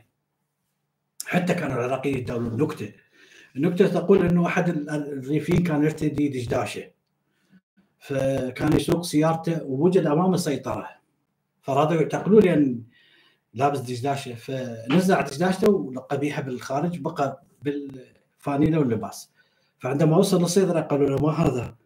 فقال لهم أنا بالقاري لكن متربي هنا أحد الأصدقاء يقول ما رأيك بقرار محمد بن سلمان بجمع المواد الدينية الحديث والفقه وتوحيد وتفسير بكتاب واحد وتقليل صفحاته من 400 صفحة إلى 150 هواي. أقسم لك هواي. 150 صفحة هواي. حديث وفقه وتوحيد وتفسير ما أدرسه أصلا. ما أدرسه. زين. آه يعني حال حال الوطنية والتاريخ الإسلامي والفتوحات هاي باكملها ألغيه. زين. أحد الأصدقاء يقول اي نابليون اي آه لا الدين ولا التاريخ ولا الوطنية ولا التلقين بالطريقة التقليدية اتى اكله كوسائل لتعليم فعال ومثمر يعمل على توسيع آفاق الفكر رغم أن هناك من الدول تخصص ميزانية كبيرة موجهة لجوده التعليم، السؤال المطروح ما الحل؟ الأمثل من وجهة نظرك بناء على ما هو متوفر الآن من المعطيات. لا حلول في التعليم ولا في الأرض ولا أي شيء آخر. زين أبد لا توجد أي حلول. يقول أحد الأصدقاء أنا برأيي لو نص هاي المساجد والمعابد الدينيه بالعراق تتحول مدارس ومشافي أو مراكز صحية. كان هسه الشعب ما عنده أي معاناه بس مع الأسف روح الإنسان بالعراق بالأخص الإنسان الفقير ما له أي قيمة بالأخص أنت تعرف شيء حتى الغني الموجود بالعراق عندما يريد يفعل فعل خير يبني مسجد. وكأنه عندنا أزمة مساجد. بدل أن يبني مستشفى مشفى عيادة بدل أن يبني مدرسة يروح يبني مسجد. زين؟ هي هاي المصيبه يعني أحد الشخص اعرفه الله ممكنه. هذا الشخص كل سنة يعني آه، يعمل مراسم عاشوراء يطبخ كثير من الأكل. يعني فد 20 قزان من هذا الكوار للإمام الحسين. لنقل إنه التكلفه تقريبا كذا مليون فأنا اقترحت عليه. قلت له إنه هاي المدرسة اللي امامك انت دائما تقول لي الطلاب بنكات مروحات لا توجد عندهم بالصيف. لماذا لا تقسمها قسمين؟ قسم مثلا أنت تكلفك 6 ملايين طبخ للامام الحسين. 3 ملايين للامام الحسين طبخ. وال3 ملايين تذهب تشتري مروحات لأن وزارة التربية ما عندها فلوس. وهاي راح تبقى آه، رحمة لك وللإمام الحسين إلى آخر يوم لأن هناك طلاب سوف أبد. سوى ب 6 ملايين والناس أكلوه وانتهى الموضوع وراحت وكذا. فهنا هنا العقلية. عندما يريد يتبرع يبني له مسجد على العكس من أوروبا. الأغنياء لا جمعيات الرفق بالحيوان بالإنسان للفقراء أو ممكن يتبنى له شخص موجود بأفريقيا يتواصل وياه عن طريق الأموال أو غير منظمات أخرى. زين.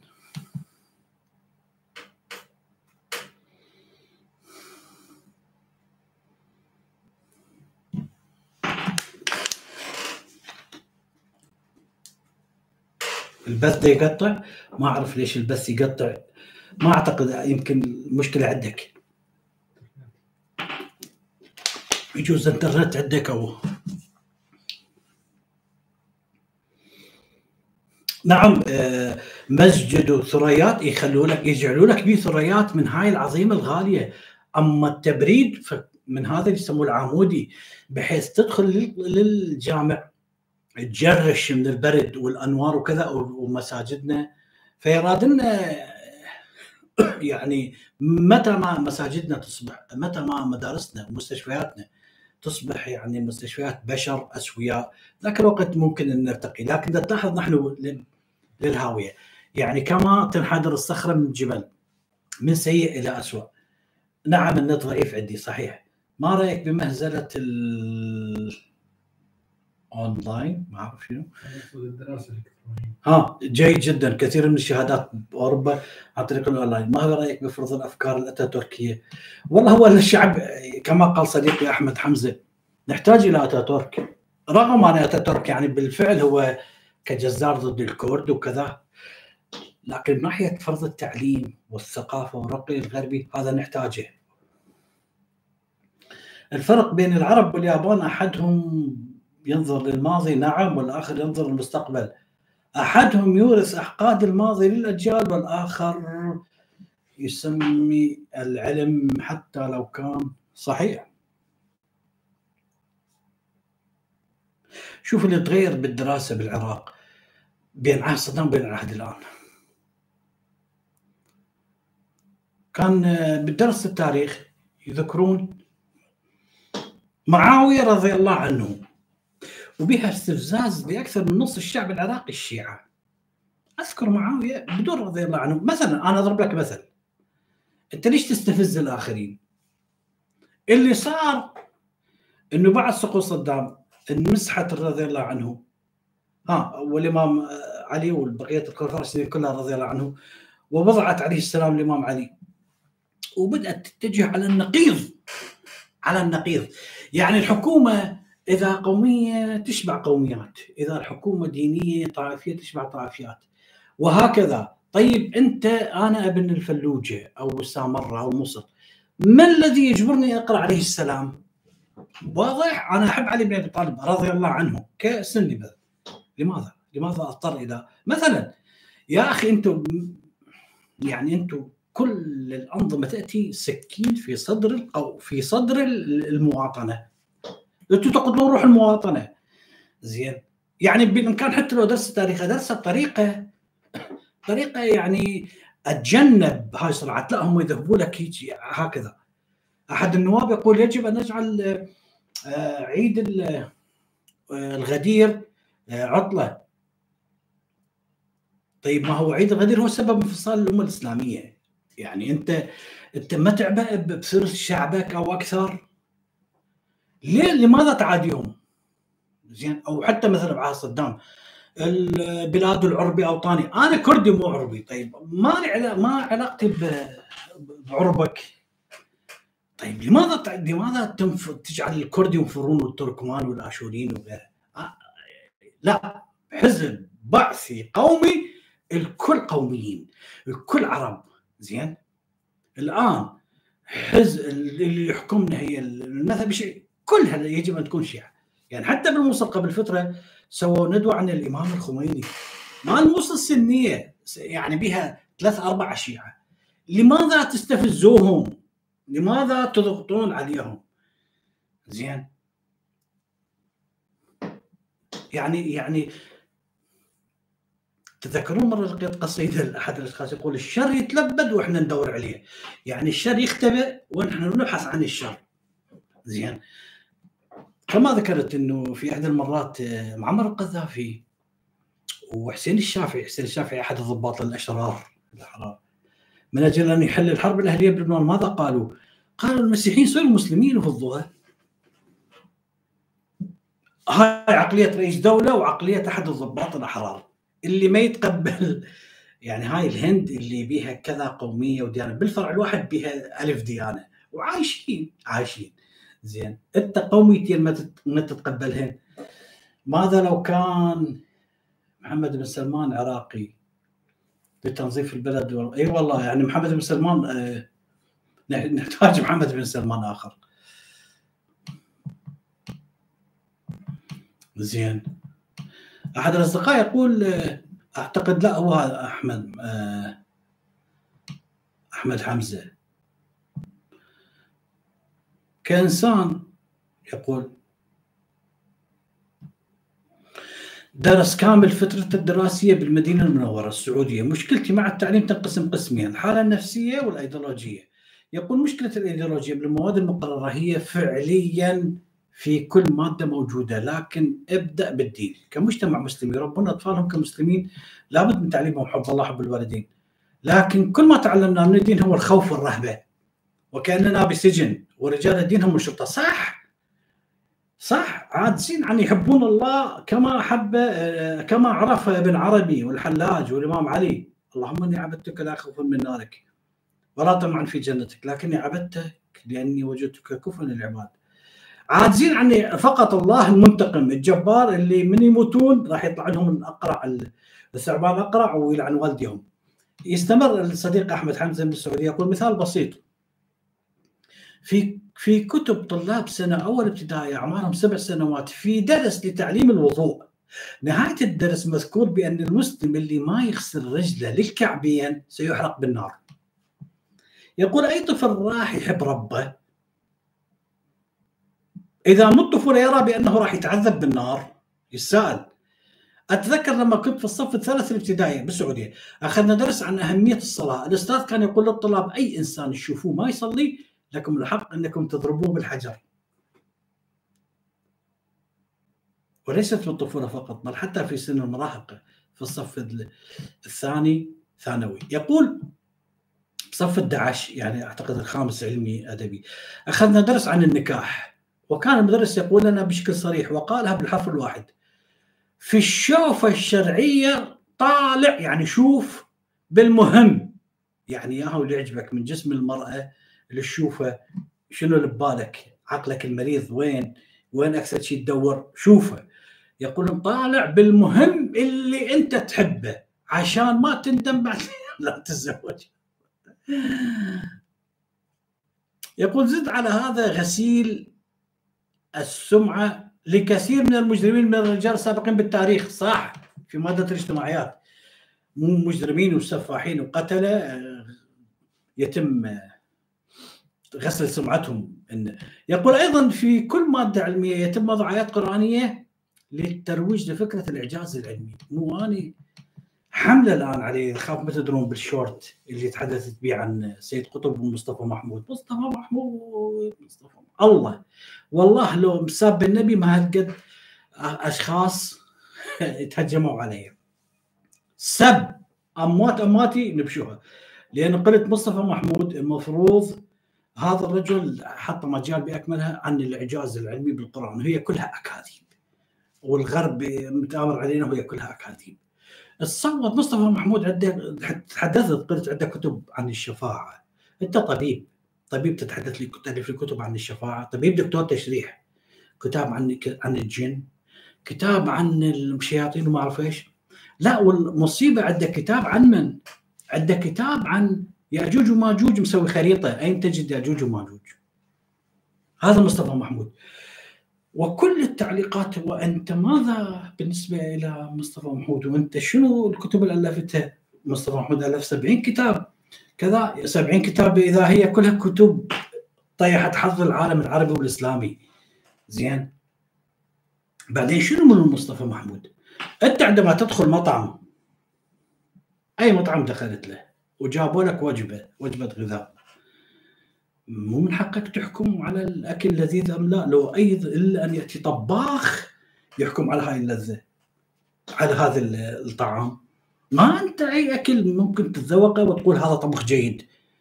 لربما صاحبك اللي جالس جنبك يقول لك لا هذا طبخ آه، جيد جدا. أنت تقول هذا طبخ سيء. متعبر عن آرائك. هو يطبخ لك. هذا الطباخ يطبخ الأكل لك ولصاحبك وللآخرين والناس تحكم عليه.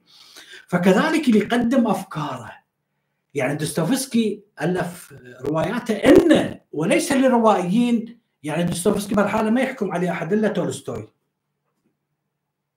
لأن إذا شخص قال والله روايات دوستويفسكي كآبة وبالفعل هي كآبة وروايات دوستويفسكي تعلمك المثل نقول له ومن انت حتى تحكم على دوستويفسكي.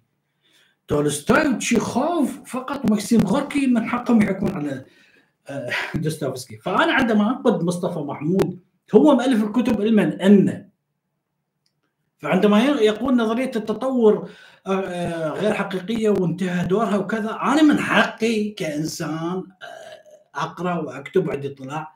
ومن حقي أكتب هنا وأتحدث باليوتيوب أقول إنه لا نظرية التطور صحيحة وكذا من أنت؟ يعني تقريبا بال تعليق انت منو؟ انت منو؟ انت شنو؟ ومن أنت؟ واحد يقول من هذا؟ هاي أول مرة هذه أول مرة أشوفك انت من؟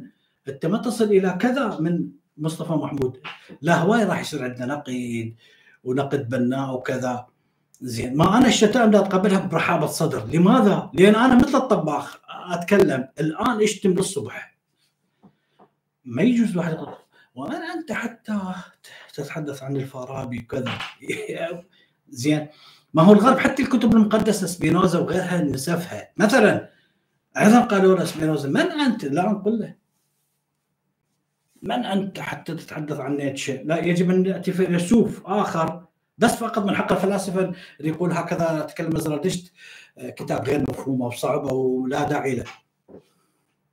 هاي بس فقط بعالمنا العربي. أخي عبر عن آرائك كما تحب، أرجع صديقي أحمد حمزة. يقول المدرسين غالبيتهم مو كلهم أشبه برجال الشرطة في داخل السجون، بل ربما يكون رجال الشرطة ارحام، ما تحل واجب تنضرب بالقوة.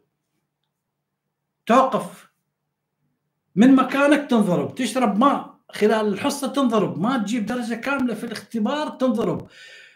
توصل المدرسة متأخر تنضرب تتأخر الصلاة تنضرب. هاي بالسعودية قبل محمد بن سلمان. توصل قبل الصلاة يخرج كل فصل طابور. إذا خرجت من الطابور شبر واحد تنضرب.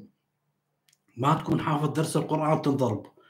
ما تكون حافظ القصيدة تنضرب. أيضا الضرب يكون بوحشية. يعني تشعر إن المدرس في طاقة سلبية ناوي يفرغها على الطالب طبعا هذا اولا يتعود بالتعويد يصبح عنده الضرب جدا عادي بالأخير يصبح عاده يعني هذا حتى لو تعارك ويا زوجته زين. أيضا يطلع حركته يطلعها بالطلاب. أتذكر مرة لما كنت بالصف الأول متوسط في طالب حضر الحصة نسى كتابه بالبيت نسى إنه يحفظ القصيدة المدرس قال له افتح إيدك حتى يجلده وما اكتفى بجلده على اليد بل حتى جلده على جسمه من كل الأماكن وأيضا ما اكتفى جلده على الوجه لدرجة إنه وجهه تورم. جلده على الوجه. كنت أدخل المدرسة وأنا في حالة نفسية صعبة ما كنت أنظر المدرس على إنه معلم بل كنت أنظر إلى على إنه إرهابي. صحيح. صحيح. يعني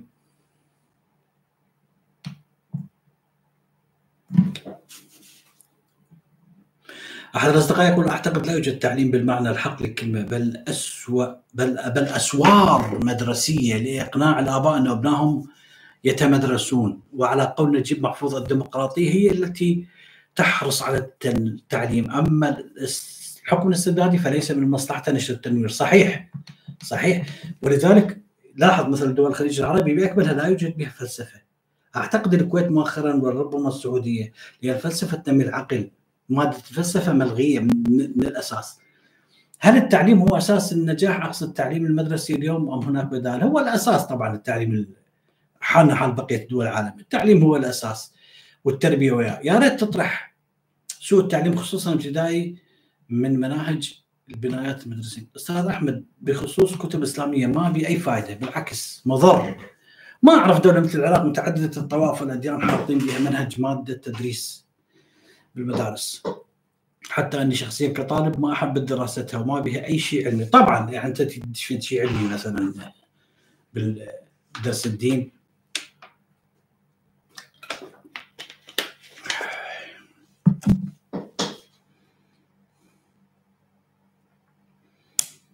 كم أحتقر من يحصل على درجة 199 أشعر أنه دراخ؟ صح درخ بدون فهم. صديقي يقول ما هو رأيك في الاصطفاف في المدارس؟ هل يكون حب الوطن برفع العلم أو قراءة النشيد الوطني والوقوف مثل الجنود في البرد؟ كارثة هذا أيضا مصيبة هذا النشيد الوطني. لماذا العربي بالشرق الأوسط إيران تركيا العرب يقدسون التاريخ. طبعا لو عندهم علوم الآن بطول مثل اليابان كان ما اتجهوا للتاريخ هؤلاء يقدسون التاريخ ولا يعتذرون عن أخطائهم. صح كل الأرض اعتذرت عن أخطائها. يعني حتى فرنسا يوم يطالع ماكرون نعتذر للجزائريين. يابا نعتذر من عندكم. آسفين عمي آسفين كذا اعذرونا ما أعرف. دائما إلا العرب. ما يعتذرون عن كل جرائم بل يقدسوها ويعتبروها شيء جدا عظيم. زين مع العلم نحن العراقيين حطمتنا الفتوحات الإسلامية والشاميين والمصريين والمغاربة. حطمتنا بأكملها. فبالعكس يعني آه، نعتبر أتوا هدايتنا. ما أعرف منين يهدونا ثلاث إحجارات يتشطفون بها أجل لكم الله هذول يهدون أهل العراق اللي ما يعرفون وين يودون المي. نهرين عظيمات ما عدا الروافد والبحيرات وكذا. يأتي لك من الصحراء ثلاث حجارات شايلهن حتى يعلمك هداية الله والتعليم والحضارة والكذا لو يعلم الشامي اللي والمصري أبو نهر النيل هو بالصحراء ما عنده مي يغسل وجهه ما كانوا يغسلون. يعني زين بالكاد هو يشرب يحصل ما يشربه يأتي يعلمنا الحضارة وغيرها يقول أحد الاصدقاء مدرسين الدين عندنا في السعودية مصيبة المصايب، أذكر يوم من الأيام جمعونا في مسرح المدرسة لكي يتكلموا عن موضوع النبي، فجأة الدكتور يتطرق الموضوع قتل محمد لليهود. ويقولها بفرح. ويومها صدمة أكبر صدمة بحياتي. أن محمد يقتل أطفال. الموقف الثاني بعض الشباب لا يصلون في مدرستنا. يعني رغما عنهم. تجي تصلي فبعض الطلاب يتمردون يندسون في الحمامات. القسم الآخر يتكلم مع صديقه بصوت منخفض. وإذا بيوم من الأيام أستاذ الدين يسمع صوت هؤلاء الطلاب. بعد الصلاة فضحهم. وتمشكل معهم وهدد المدرسة أجمعها قال اللي ما يبغى يصلي لا يصلي ولكن بنتظره برا أنا وأستاذ آخر وبقتله بحد السيف كما جاء في الدين. يعني أتذكر ممكن أطفال بالمدرسة من نتعارك نتشاجر واحد يقول للأخ أنا أعلمك بالطلعة. لا هالمرة هنا المدرس هو اللي يعلمهم بالطلعة ويقيم عليهم الحد بحد السيف. لماذا؟ لأنه ما يصلون. يقول الموقف الثالث درس في الدين يقول إن محمد احرق بيوت من الذين لم يصلوا الفجر جماعة. يقول بعدها وأنا أزدري الدين الإسلامي وأكرهه كره الشيطان. يا أخي تاريخنا. من كتب بعد كتب بعد أكثر من قرن من وفاة الرسول. فعلى الأقل هاي مو كل شيء موجود بسيرة ابن إسحاق أو البخاري تضع لهم إياه. يعني هذا الشخص يقول أنا كرهت الإسلام كرهت محمد بسبب هذا. فهناك يعني يجب أن تكون فحص تدقيق إسخام عزة. يعني أنا أحد المرات ذكرت إنه يوجد مصري اسمه أحمد شتى إذا ما خطأنا بالاسم مترجم. هذا يتحدث يقول كانوا عندي أصدقاء مصريين. عائلة بأكملها يعني أخوة. يسخرون من الإسلام والرسول محمد والقرآن أي سخرية. فعندما تعمقت يوم قلت لهم لماذا تسخرون من الإسلام ومن القرآن؟ قالوا بسبب والدنا. لماذا؟ قال والدنا كانوا الصبح يعني مع صلاة الفجر يجب أن نستيقظ. وإذا ما نستيقظ يشمر علينا مي ويضربنا بالعصي. يجب أن نصوم يجب أن نقرأ القرآن يجب أن نحفظ. فبالأخير لما توفى أبونا وراع كبر وإحنا كبرنا فبدأ الآن يسخرون من الدين ومن الإسلام ومن القرآن ومن كل شيء آخر. الدين ما ينفرض بالقوة. يا ناس يا عالم. لا بالمدارس ولا بالعائلة ولا أيا كان. إنا هديناه السبيل. إما شاكرا وإما كفورا إنك لا تهدي من أحببت ولكن الله يهدي من يشاء. هاي كلها الآيات لا. راكض وراهم منتظرهم بالطلعة. هذا المدرس وبحد السيف كما ورد بالشريعة هل هناك مقارنة بين المناهج الإماراتية عن المناهج العربية الأخرى؟ والله ما أعرف المناهج الإماراتية بس أكيد متطورة يعني أكيد يعني هذا ما يراد لها كأفلام هل يعكس استقرار الأنظمة تطورها سبب الأسس التعليمية؟ إذا أردنا تغيير المناهج أليس من أجل تغيير السياسات العامة؟ طبعا هو البلد هو كل شيء مرتبط هو بلدك بأكمله بلدان العربية من القمة يعني كما نقول بالعراقي السمكة راسها خايس فإذا حكومتك راسها خايس تطلع لك عباقرة أو أو أو مثلا مستشفيات نظيفة صحية مدارس مال أوادم طرق مبلطة مجمعات سكنية ما الذي يعني سوف تنتج عنه؟ لا شيء. أحد الأصدقاء الأصدقاء يقول مع الأسف طرق التعليم اليوم في الدول العربية أغلبها يعتمد على التلقين والكم ووسائل بيداغوجية تقليدية تجاوزها الزمن، لم تعد تسعفنا اليوم ولم تواكب الركب الحضاري، حتى أصبح التعليم ينتج قارئين مزيفون لا مثقفون وعون. عكس المناهج في الغرب التي تواكب التحولات والتغيرات وتتكيف مع خصوصيات المجتمعات المحلية والوطنية حسب الثقافة والجغرافيا والقيم. والعادات والتقاليد وأكبر من هذا تدريسهم لدروس ومناهج خاصة بفلسفة الحياة بعيدا عن منطق الرسوب والامتحانات التي تأزم وضعية التلميذ وتولد عنده عقدة نفسية متراكمة هذا فقط غير المفيد صحيح كلام جدا صحيح لا يمكن إصلاح التعليم صحيح لا يمكن إصلاح التعليم دون إصلاح السياسة. مصطفى محمود يبيع الوهم والخيال. أقول لك شيء عن مصطفى محمود واللي يلعن من يلعن. مصطفى محمود يوجد أحد الوثائقيين. سويدي أعتقد أو إنجليزي. اسمه ديفيد ديفيد أتنبار أو كذا. هذا عنده أفلام وثائقية. لحد الآن عايش عمره تقريبا 80 سنة. يسوي أفلام وثائقية. يسافر كل دول العالم. وللعلم ملحد هذا الشخص. مصطفى محمود ما الذي يفعله؟ يأخذ هاي الأفلام الوثائقية. ينص الصوت ويتكلم يترجم هاي يتكلم. ومع إضافة إعجاز قرآني أو كذا وهذا برنامج الإيمان والكذا وهاي. بأكملها مسروقة من هذا الرجل. أتحدث لك عنه والمصيبة. راجع كتابه. مسوي لي مخطط عن ياجوج وماجوج. أين يقع ياجوج قرب اليابان؟ يعني مسوي مخطط وكذا وغيره زين. والعراقيين العراقيين إيش بيكم؟ لماذا هاي المسبة والتهجم علي؟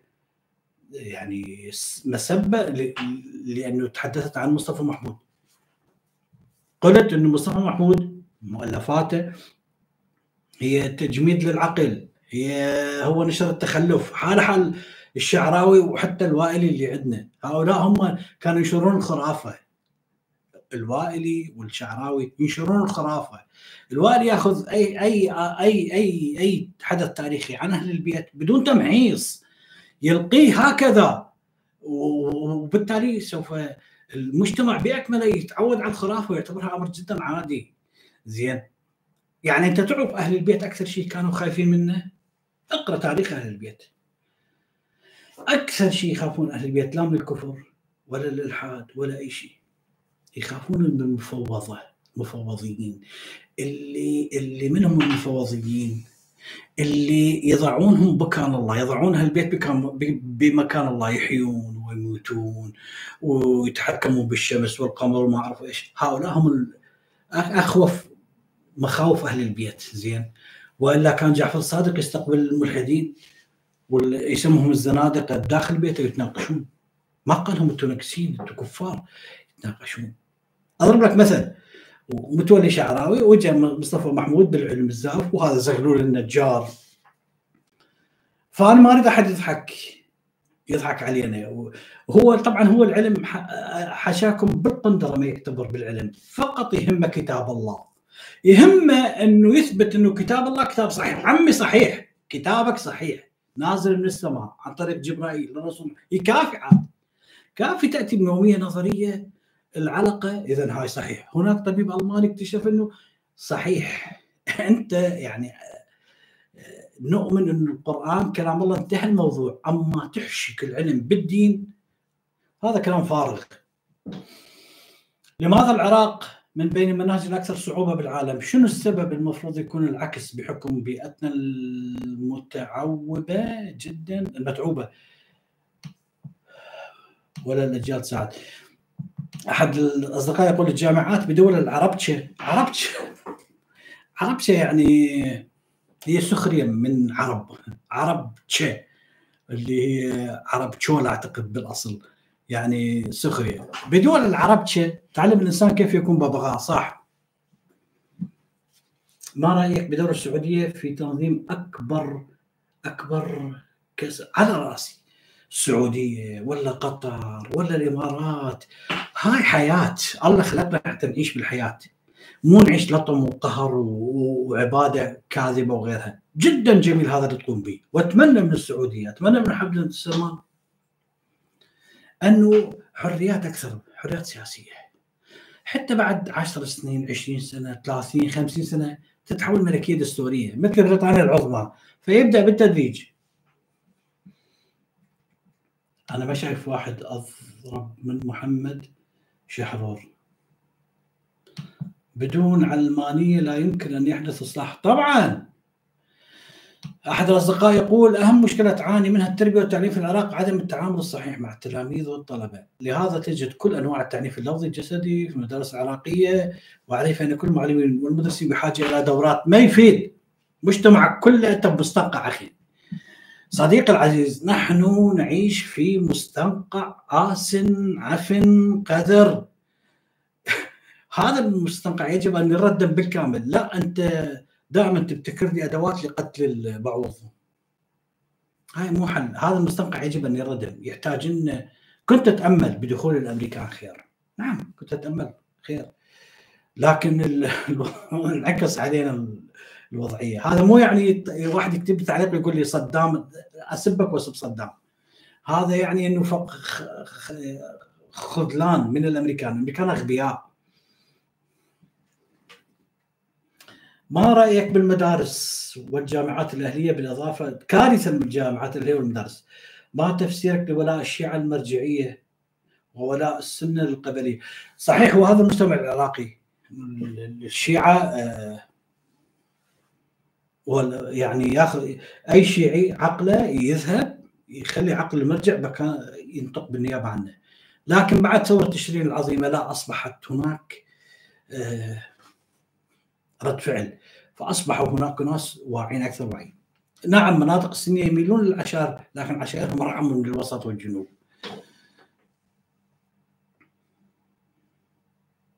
يراد محاضرة على قطاع الصحة. نعم. نحن بين أنياب ثالث القمع. صحيح. السنة ولاءهم ليس للقبيلة أبدا يعني هو السنة عقل براغماتي يعني كما ذكرت. هم اللي بنوا العراق. من 1921 لحد 1979 ولحد 2003 العفو عندما بدأوا يدخلون بالإرهاب وغيرها. هذا يعني أنه العرب هذا يعني أنه العرب باللغة التركية آه، أحد الأشخاص يقول الأصدقاء عام 1978 كنت طالب في كلية التربية وفي الصف الرابع أي مرحلة التخرج. كلية التربية حينها مغلقة للبعثين فقط. أي أنني كنت بعثي. أنا كنت بعثي. والمفارقة العجيبة أنني في ذاك الوقت كنت مؤمن بأفكار وأهداف ومبادئ الدولة التي أسسها حزب البعث إيمان أعمى. بل ربما أكثر من ذلك إذا كان هناك وصف أخذ التعصب إلى أن جاء اليوم الذي تم فيه إلقاء القبض عليه. حيل تستاهل والله. تستاهل. إلقاء القبض عليه بعد خروجه من الكلية من قبل أفراد تبين أنه من الأمن العام. وكان ذلك في الشهر الثاني من نفس العام. بقيت في الأمن العام ستة أشهر. من التحقيق وأنواع التعذيب الجسدي والنفسي في زنزانه مربعة طولها متر عرضها متر ونص. الغريب بعد هذه المدة خرجت من السجن دون محاكمة دون مدة محكومية دون معرفة سبب بقاء القبض علي دون معرفة لماذا اطلقوا سراحي ولكني خرجت بحصيلة واحدة. من هذه التجربة هو أن هذا الحزب حزب دموي فاشستي لا اعتبار له لحقوق الإنسان. كل شيء مباح عنده من أجل الحفاظ على السلطة.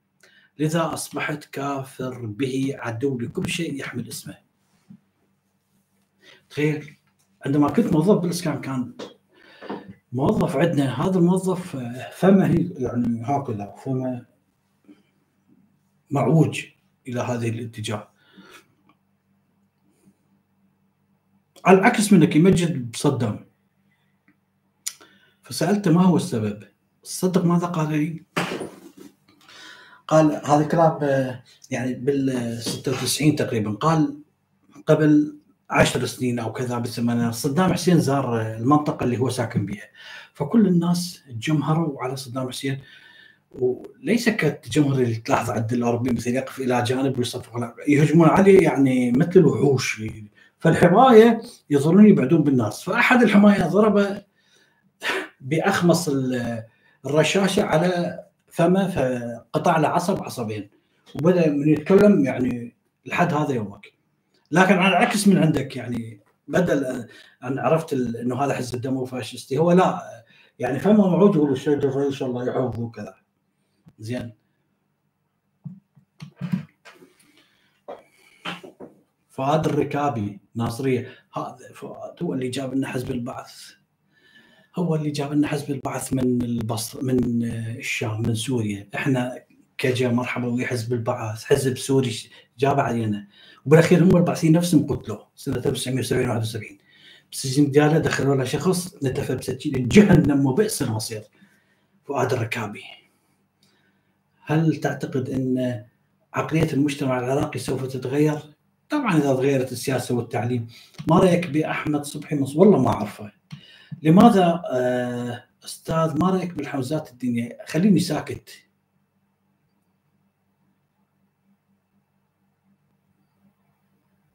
زين. رأيك آه، بالمادة الذي أضافتها التعليم لجرائم حزب البعث. شوف. لو هؤلاء يحكمون أشراف. إي والله أضيفها. أضيفها أنا شخصيا أضيفها. لكن هم فاسدين مجرمين قتله وكذا. فانتم مجرمين وحزب البعث مجرم؟ كلما دخلت أمة لعنت أختها لعنة الله عليكم وعلى حزب البعث. فتتحدث عن جرائم حزب البعث من يصدقكم؟ أنتم أنتم. من بعد 2003 اللي حكمتم بيضتم وجه صدام. ما نستطيع أن حتى عندما نتكلم مع عربي يقول أيهما أفضل؟ الأمن وكذا وكذا وميليشيات الآن كذا يعني أنتم بيضتوا وجه صدام. فتتحدثوا لي عن مادة ضايفيها حزب البعث ما رأيك بالمسيحيين؟ أفضل ناس بالعراق هم المسيحيين. من كل النواحي الجمال النظافة هم أهل العراق الأصليين المسيحيين الآشوريين هؤلاء أهل البلد الأصليين الصابئه اليهود اللي هجرناهم. هؤلاء العراق الاصليين مو ليس نحن. أنا من قبيلة أتت من جبل حائل منطقة حائل سنة 1907 والان العراق يتمتع بكل الحقوق والكذا وما أعرف إيش. وهذا لا مسيحي يتهجر من بلده. هاي مصيبة هاي كارثة. زين. أنا سرياني. أصدقائنا كانوا سريان وكلدان وآشور. ما رأيك بالفنان محمد صبحي؟ أموت منه. محمد صبحي الآن فكر أثر في جيلنا وعزز القيم. محمد صبحي كان متملق صدام حسين هو وهاي رغده السوريه كانوا يوميا اتيني يمسحون بحذاء بحذاء صدام حسين. أموت منه. وإذا يعني حتى إذا مسلسل لطيفه وكذا ما مجرد أشوفه ما ما أشوف ما أتابعه. ما رأيك بالبحث العلمي في جامعاتنا؟ أعتقد زفت. رأيك بسيد كمال حيدري؟ يبقى رجل دين. مهما كان متنور وكذا سيد كمال حيدري يبقى رجل دين. صحيح هو متنور أكثر من البقية بس يبقى رجل دين. الصوت يقطع. أعتقد عندك. أنت العد لو شمري لو طاي العلم هم طائي شمر هم تابعين الطائي يعني أعتقد. لراحة الضمير لدى العقل الخرافي كبسولة مصطفى محمود. يا معلم الرحمة على شهداء قاعة الخلد. ذولا قاعة الخلد اللي عندهم صدام رفاق دربة أكثر من خمسين واحد. ضربة استباقية خوف الشعب العراقي بأكمله خوف البعثين. ما رأيك في ما رأيك بأحمد القباتشي؟ أعطيت رأيي ولا هو عندما يتحدث عن الله عندما يقول الله لا أخلاقي، الله مجرم، الله كذا هي بالعناوين، هو ما يقصد الله الله رب محمد وعيسى وموسى وعلي بن أبي طالب والإمام الحسين، هو يقصد الله اللي بالعقلية السلفية، عقلية رجال الدين اللي اللي يخوفون الناس من هذا الإله المرعب بدل إله محبة. رأيك بالتنويريين على السوشيال ميديا جدا أحبهم وأحترمهم وأتمنى من كل عراقي عنده قابلية أن يفتح له قناة وينشر التعليم أحمد سعد زايد يوسف حسين كثيرين حتى عراقيين وغيرهم هذا ولا يعني ناس تاثر بناس. أنا اللي اثر باحمد سعد رأيك في الشريف الحسين بن علي؟ الشريف الحسين بن علي جدا رائع. عندما وضع يده بيد الإنجليز من أجل أن يتحرر من الأكرا... الأتراك العثمانيين ونأسس دولة عربية واحدة. جدا رائع الشريف الحسين. لكن ارتكب خطأ يعني هو خطأ سميه خطأ سميه حماقة. بقت الموضوع متروك لك. الشريف حسين كان يجب أن يوقع على أنه دولة يهودية تحدث. هو رفض هذا الشيء، عاند بشكل جدا كبير. بالتالي الإنجليز تعرفوا مع آل سعود قضوا على مملكة الهواشم بالحجاز نجد الحجاز وأصبحت الدولة هناك السعوديه سنة 1925 لكن عوضوا ابنه فيصل الله يرحمه بالعراق وعبد الله الله يرحمه ابن الآخر بالأردن فيعني رأيك بنابليون؟ نابليون آه، سفاح مجرم قاتل آه، الفيلم الأخير بعد ما شايفه. نابليون يا نابليون آه، نقل التنوير مع كل إجرامه وقتله. مو هناك مجرم مثل هتلر ما يقول لك اي شيء هذا رغم إجرامه ودمويته وكذا. نقل مبادئ الثورة الفرنسية. فهو مجرم سفاح قاتل حتى هو كان يقول قالوا له ما رأيك الشعب الفرنسي عندما تموت؟ شنو ماذا ستكون ردة فعله؟ قال سيتنفسون الصعداء. لكن هو نقل مبادئ الثورة الفرنسية. يا معلم رأيك مكماهون مكماهون سامع به مكماهون مكماهون هذا اللي أعتقد من السلطة الإنجليزية وكذا. رأيك بجلال الدين الرومي المتصوفة ألطف ناس. المتصوفة يعني بعيدا عن المذاهب الفكرية. معتزلة وإخوان صفا مذاهب فكرية عظيمة، المتصوفه وعندما اتحدث عن المتصوفه ليس المتصوف الآن اللي يضرب دراويش ويضحك الناس عليه. جلال الدين الرومي، الحلاج، ابن عربي، آه، رابعه العدوية، هؤلاء ناس ألطف ناس يحببوك بالله وبالنبي وبالقرآن، لماذا؟ لأن يحبون كل الناس. لأن ما يكفرون أحد، ما يدعون إلى قتل. فهذا يعني جلال الدين الروبي وابن عربي هؤلاء منارات عظيمة. هؤلاء هم هم أعظم فكر إسلامي على الأطلاق. أما فيما بعد لا سوف تدهور التصوف. حسين أي هو هذا مكمهون؟ رأيك بعبد الرحمن بدوي. يعني إذا أقول لك إنه أغلب حلقاتي الفلسفية عندي 120 حلقة حكمة الغرب. من طاريس بديتها لحد الآن. أغلبها عبد الرحمن البدوي صدقني. ما عدا عندي حلقات أخرى أكثر من 100 حلقة أيضا اسمها سلسلة الفلسفة. وأيضا عندي قصة الفلسفة وأيضا عندي أوراق فلسفية. بأكمل عبد الرحمن البدوي أو فؤاد زكريا والآخرين. هؤلاء هم اللي يعني ترجموا لنا هاي الأمور. ف... أستاذ إحنا بالمدرسة ودونا شمال صدام 2002 كان عمري 13 سنة اي عظيم خزع الماجدي يا ريت تتكلم عن مؤلفات وأفكار علي الوردي. تحدثت ثلاث حلقات أربعة ما اعرف آه العلي الوردي. وعظ السلاطين والأحلام وكذا وهاي. هل تنصح أحد الأصدقاء بالمنتدى؟ هل تنصح بدراسة مادة الفلسفه وعلم الاجتماع بالمدارس الإعدادية؟ نعم. ما هي الفلسفات التي تنضاف للمنهج أصلا بالبداية يقبلون يضعون فلسفة وبالأخير فشيء خفيف بسيط مو مشكلة. أنا حاليا أدرس فلسفة علم الاجتماع بالإعدادية بس الدول ما تنطي اهتمام هاي المواد تعتبرها ثانوية. والدليل العام الماضي حذفوا فصل الدكتور علي الوردي. طبعا إذا هم حتى نظرية التطور حذفوها. جميع الدول العربية ما تعترف بنظرية التطور حتى تركيا. الأردن اليمن باكستان باستثناء إيران. أعطيك معلومة إيران تؤمن بنظرية التطور. وهذا شيء جيد. زين. أنا حاليا قلت لا يوجد أحد الأصدقاء يقول يقول لا يوجد تعليم حقيقي في العالم العربي. ما يوجد من مؤسسات تعليميه تعتبر مجرد كتاتيب قياسا بالمؤسسات التعليمية القائمة اليوم في العالم المتقدم علميا وتكنولوجيا الذي تسلح بالمعرفة منذ امد طويل ووصل إلى ما وصل إليه اليوم بغض النظر عن الدور السلبي الذي يقوم به ويقدم الدعم للحكام العرب في ممارسه ممارسة مزيد من التجهيل الممنهج لشعوبهم حتى تصل عملية اقتيادهم إلى حيث البالغ. صحيح شوف الغرب مو مثالي لا توجد دولة مثالية. لكن إذا أنت محصن نفسك ما حد يستطيع أن يأخذ منك أي شيء. لماذا لا يتأمرون عن النرويج؟ النرويج أو النرويج؟ لماذا لا يتأمرون عن السويد؟ لماذا لا يتأمرون على اليابان؟ لماذا يتأمرون على الدول العربية وعلى أفريقيا وناهبي شعوبها؟ لأن الحكومات هي اللي اللي مستلم يعني اللي اللي اللي بايعة الشعب. اذا هي مشكلتنا هي مسؤوليتنا. يعني يوجد مثل بالعراقي يقول المال السايب يعلم على السرقة. بمعنى أنه المال اللي مرمي هكذا يعلم على السرقة. إذا ما محطوط داخل خزانة. فكذلك أموال أفريقيا ومال العرب تعلم على السرقة.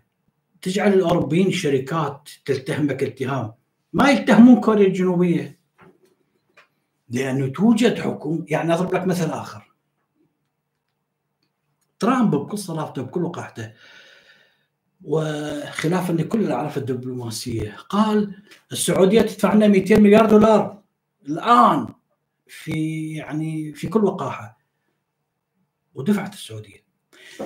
هل يستطيع أن يقول هذا الكلام إلى اليابان؟ نعم نعم ربما يقول اليابان تدفع لنا كذا لكن اللي هل يستطيع رئيس الوزراء الياباني يعطوه؟ يعني مثلا هناك برلمان هناك معارضة هناك كوارث. فلاحظت الفرق؟ هذا مثل جدا رائع. أعطونا 200 مليار دولار من أجل حمايتكم وإلا وكذا. دفعوا له. أما باليابان لا ما حد يستطيع أن يقولهم. زين. ساعتين عشوائي نص ساعة. من بعد تعليق. يقول أحد الأصدقاء إذا تنزل انزل بعد أن تخرجت من الثانوية اكتشفت أني لا أعرف شيء كنت جاهل حتى بالبديهيات ما بالك بالعلوم المعقدة التي وجدت المدارس من أجل شرح كريدات الفيزياء. صدق لا تصدق أني كنت متفوق بأغلب المواد التي لا أعرف إلا اسمها بعد ذلك كان يجب علي إنشاء جدول دراسي لنفسي. وفي سنة واحدة تعلمت أكثر مما عرفته بالمدرسة. صح؟ طبعا استفدت من قناتك جدا. شكرا لك. لاحظ. الفيلسوف هربرت سبنسر تحدثت عنه كثيرا. عمره كله ما داخل المدرسة. أبوه قام بتدريسه بالبيت واصبح هربرت سبنسر. أعظم فيلسوف. زين. حتى داروين أخذ منه صراع من أجل البقاء.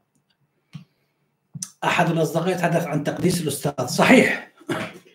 هو كل شيء عنده مقدس. يعني حتى الأم مقدسة. مرة نشرت منشور عن تقديس الأم. ما تتخيل المسبات اللي حصلتها. قلت يا ناس يا عالم فرقوا بين التقديس وبين البر. البر كل إنسان يبر أمه وأبوه والديه ما يحتاج حتى آية قرآنية لا تقل لهم أفا أو حديث شريف أو كذا. البر هذه حتى الحيوانات تبر أمها وأبوها. لكن التقديس ما يجوز تقديس الأم. من تقدس شخص يعني ما ترفض له طلب.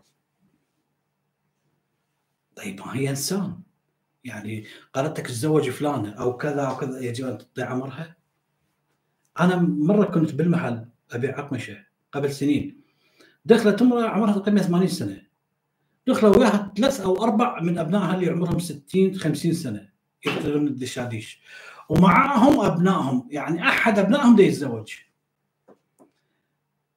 هذه الأم جلست على الكرسي هكذا وقالت هذا لهذا وهذا لهذا. هاي القطعة لهذا هاي القطعة لهذا. هي اللي تقرر. والأبناء واقفين هكذا. زين أحد الأشخاص مرة قال لي قال أنا أمي تصفعني بالنعال قلت له ما الذي تفعله؟ قال قبل إيدها وحتى قبل النعال وخلي على رأسي، هذا إنسان بليظ مازوخي. فرق بين البر وبين التقديس. كثير من الخلافات بين الأمهات والابناء تحدث ومحاكم وجرائم ومصايب يعني هناك من شتم ومن سب ومن تجاوز وقال إنه بأن أنا أدعو إلى عصيان أمر الأم والأب اتتني الأحاديث الدينية والايات القرآنية. ولا تقل لهم اف عمي لا تقل لهم اف بس يجب ان تفهم أمك أو أبيك إنه أنت مو طفل؟ إن أنت عندك عمرك 20 أو 30 أو 40 وحر بحياتك. تمام ما عليك إلا النصيحة. فهنا تقديس الأستاذ أحد الأصدقاء يكتب يقول تقديس الأستاذ. قفل المعلم يوفه التبجيل كاد المعلم أن يكون رسولا. ليش؟ ليش رسولا؟ ما هو يأخذ راتب آخر الشهر. زين. يعني هو عمل هو مجال لوجه الله. وعلى أي أساس قد سوي إلى متى؟ ما إحنا ما خلينا ولي ما قدسنا قبر ما قدسنا ما نحيل شو نقدس. يعني بالأخير حتى البهايم يجوز نكون نقدسها. زين. هذا موضوع التقديس مصيبة. لأن التقديس يمنعك من النقد. تقديس طلعتي. شورت. التقديس يمنعك من النقد. إذا تقدس أي شيء يعني beyond dispute لا جدال بها لا تناقش. هاي الكلمة الوحيدة اللي حافظها بالإنجليزي. beyond dispute يقول الصديق مركزية التعليم. أي عدم الأخذ بلا مركزية التعليم وأعطاء لكل منطقة جغرافية المنظومه التعليميه صح. صح. يعني سليمانية إربيل دهوك ولو حتى سابقا نتحدث الآن لا هم أناس أحرار إقليمهم. نتحدث عن إيران أو تركيا. يجب أن يكون الأكراد الكرد في تركيا لهم لغتهم الكردية بال بالدراسة بالصحف بالكذا. هاي اللامركزيه كارثة. ولذلك عندما تنظر أي بلد حذر تبين انقسامات وكذا هي بسبب المركزية المقيتة.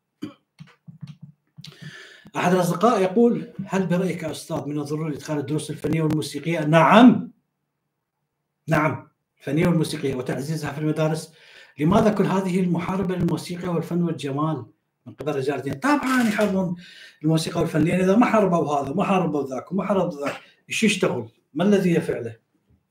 زين أنت تعرف النهضة في إيطاليا بدأت بالفن بالتماثيل وبالرسم ثم انتقلت الفلسفة والعلوم البقية. يعني النهضة اللي نعيش الآن بخيراتها بدات بالفن. زين. شيء جميل الموسيقى. شيء جدا جميل. الفن الرسم المسرح. أتمنى أن يكون هناك مسرح. ندرس مسرح شكسبيري أو بانتظار غودو أو غيرها. سوف يثقف ما يحتاج تلقين بحيث يدون هاي المسرحية أو غيرها. زين. مجتمعنا خاصة بعد 2003 هذا لا يعني تمجيد بالنظام لكن أنا أتكلم عن حالة الموسيقى نعم الموسيقى ضرورية جدا والبلد اللي ما بالموسيقى هذا بلد يتجه للدمار للكراهيه للبغضاء الموسيقى الموسيقى حتى تهدئ النفوس أحد الأصدقاء يقول لماذا لا يوجد اختلاط في المدارس الثانوية؟ يعني هي المدارس أصلا كما ذكرت لك هي غير مهيئة للذكور وحدهم أو للاناث وحدهم. يجب أن تكون مدارس يعني محترمة بنايات وكذا ذاك الوقت انت تلاحظ إحنا نتجه للعكس يعني الآن الآن هاي الحكومة لو بيدها كنفاق للشعب حتى بالمواصلات تجعل النساء واحد والرجال واحد. كليه للرجال كليه للنساء. مو لانهم متدينين ويخافون الله نفاق للشعب. لاحظ القائد العظيم هو اللي يسحب الشعب معه وراه مثل توماس جيفرسون. كل الشعب الأمريكي كان يريد دستور ديني. توماس جيفرسون كتب دستور علماني هذا القائد العظيم. الآن الحثاله الحثاله من يأتي سياسي يريد يحكم فيقول ما الذي يريده الشعب؟ يعني الشعب الغالبية الجهله اللي يريد عطل عطل. آه عطلة دينية أسبوع أخذ عطلة دينية شهر. وهكذا يساير هو يركض وراء الجموع. قله هم القادة العظماء اللي الجموع تركض وراهم. آخر مشاركة من أحد الأصدقاء يقول أكو شيء غريب بأحد كتب الإسلامية للمرحلة الابتدائية. مخلين صورتين الأولى راسمين بها جهاز كمبيوتر والثانية رائد فضاء. وتحت الصورتين كاتبين أعوذ بالله أعوذ بالله من علم لا ينفع. طبعا العلم اللي ينفع هو غسل الجنابة والحيض وحكم نكح الميت ووداع الزوجه الميتة. زين هاي هذا العلم اللي ينفع. زين. لحد الآن ما ما ناسيها وأعتقد بعدها لحد الآن موجودة. طبعا موجودة اطمئن ما دامت هاي ال ال الحكومات والمؤسسات موجودة. أحمد الفارابي بس حتى ما رأيك بجوته؟ عظيم شاعر عظيم. أكبر مثال على فشل المنظومة التعليمية. هذه ما يحصل الآن في المملكة المغربية. اي صحيح. وش رأيك في الأتراك وسياستهم تجاه العرب؟ شوف الأتراك عنصريين. يمسح مستعد يقبل حذاء الغربي الاوروبي الغربي. يقبل حذاء سواء غالبية الشعب أو الحكومة. وبنفس الوقت لقيت أسد على العرب. هاي النزعة أيضا موجودة عند الفرس كراهيتهم للعرب وكذا. وحتى عند العرب أيضا كراهية. للفرس أو حتى لل, لل... للأتراك. فهاي شعوب العالم الموبوءة اللي ناس تكره ناس وناس ما تطيق ناس يعني بيناتنا تاريخ دموي ما نستطيع أن نتجاوزه. العرب عندهم الموسيقى حرام. شوف آه اليوم الصبح بالفيسبوك مذيع يسأل أحد المطربين الشعبيين أعتقد رعد الناصري. رعد الناصري صوته جدا جميل أغانيه رائعة. يقول له الغناء حرام أم حلال؟ هو للمذيع عنده ثقافة ولا رعد الناصري المطرب. اثنين هم يتشفصون بالحكي. اولا هذا السؤال خاطئ. وجواب رعد الناصري. أخطأ من قال الغناء حرام. قال لماذا تغني؟ فقال يعني يجب أن يوم من الأيام لاحظ. دائما ما نعرف غير حرام وحلال. في حين إن الشريعة نفسها فيها حرام حلال مكروه واجب مستحب. حرام حلال واجب مكروه مستحب. هذين شطبا عند الغالبيه العظمى من الناس 90% من الناس. الواجب والمكروه والمستحب. فقط يعرفون حلال حرام. حلال حرام. بالسياسة بالفن بالأدب. بكل شيء حتى بالجنس حتى بدخولك للتواليت. يعني حتى أنا الآن دا أتكلم كرجل دين. ويا أخي مو كل شيء حرام وحلال. هناك مكروه هناك واجب هناك مستحب. أما أنا راح أجاوبك بالنسبة لي. يعني لو بدل رعد الناصري. راح أقول له اولا مو من حق الدين يحرم الفن الغناء. ولا من حق الدين يحرم العلم ولا من حق العلم يسخر من الدين ويطرده ولا من حق العلم ضد الفن. لا العلم والفن ما عندهم مشكلة. اذا دين فن علم يجب أن يكونون أخوة. يجب أن الدين الدين أنه تلجم نفسك غرائزك الشرور اللي بداخلك. مو تصبح سياف على آخرين. وتحلل وتحرم وكذا وما أعرف إيش. السلام عليكم وعليكم السلام. هل تؤمن بوجود دار بعد الموت؟ أتمنى توجد دار بعد الموت. أتمنى من كل قلبي أن يوجد حساب وعقاب وتوجد حتى جهنم بنفس الطريقة الموجودة بالقرآن. حتى أرى صدام حسين هو يتعذب بها. حتى لو أنا أدخل بجهنم. بس مجرد أرى صدام حسين بجهنم يتعذب هو والبعثين والمجرمين المقتله زين أتمنى يعني لو تخيلني بين عدم وبين جنة ونار. لا والله أمنيتي جنة ونار وارى صدام وأشخاص كثيرين ما أستطيع أن أقولهم بجهنم. ما رأيك بمحمد أبو زهرة؟ قرأت له كتاب أعتقد اسمه تاريخ المذاهب الإسلامية. إيه؟ بأمور يعني يعني مش ولا بد. ما هي نصيحة أستاذ أحمد؟ للشعب السعودي. والله نصيحتي للشعب السعودي بدون نصيحة محمد بن سلمان خوش يصير يعني مسير جيد. أتمنى بعد أكثر حريات. أي دين يحرم الجنس فهو دين حقير طبعا هم هم رجال الدين أكثر ناس يحبون الجنس. والجنس اللي اللي تتخيله زين الجنس اللي ببالك. أكثر ناس يرغبون بالجنس هي المجتمعات اللي تكبت الجنس. بعد هل تعتقد أن صدام حسين خرج من فكر الشعب في ذلك الوقت أم كان للشعب فكر ثاني وصدام انقرض؟ صدام آه، تحول إلى صديدم صغير. يعني الآن الحمد لله عندنا 20 صدام. وعندنا بداخل كل عراقي لربما أنا أيضا منهم صدام صغير مجرد أن نستلم سلطة يطلع صدام الحقيقي. المشكلة الدين هي اقصاء الآخر صح؟ أما مشكلة التعليم داخل الدين فهي صح؟ شوف ماكو اشكال بالمادة الكيمياء سواء ذهبت لليابان لأستراليا سيبيريا للمغرب للبرازيل الكيمياء كلها تدرسها لكن الدين داخل البلد الواحد مصيبة. هل صحيح بأن روايه الجريمه والعقاب استفاد منها استفاد منها علماء نفس؟ فرويد نفسه يعني يعتبر إنه كثير من الأمور ضرب بها مثل عن راسكولنيكوف وقتله للمرابيه استشهد بها كما استشهد بعقدة أوديب سوفوكليس. زين. آه نيتشه يقول السيكولوجيا الوحيد اللي استفادت منه شيء هو دوستويفسكي. طبعا الجريمة والعقاب أعظم رواية. ما رأيك أستاذ في الأدب التونسي؟ محمد المسعدي. ما أعرفه رواية ما قاري والله.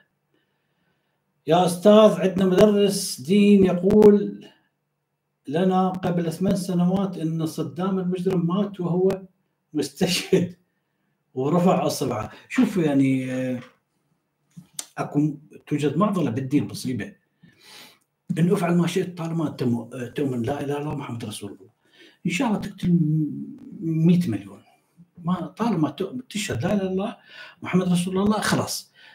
أعتقد يعني هذا الرب اللي من صنع هؤلاء الأشخاص هذا رب ما يستحق أن يكون حتى رب. يعني لاحظ أنت شوف الآن إذا ترتكب أقل مصيبة بالعالم الغربي تقف أمام المحكمة إذا حيوان أذيته لا إذا آه، حجر أو كذا أو كسرته تأخذ عقابك. لا الله يقول له اقتل مليون مليونين لكن فقط أريدك تشهد لا إله إلا الله محمد رسول الله. يعني الله دا يستجدي الشهادة.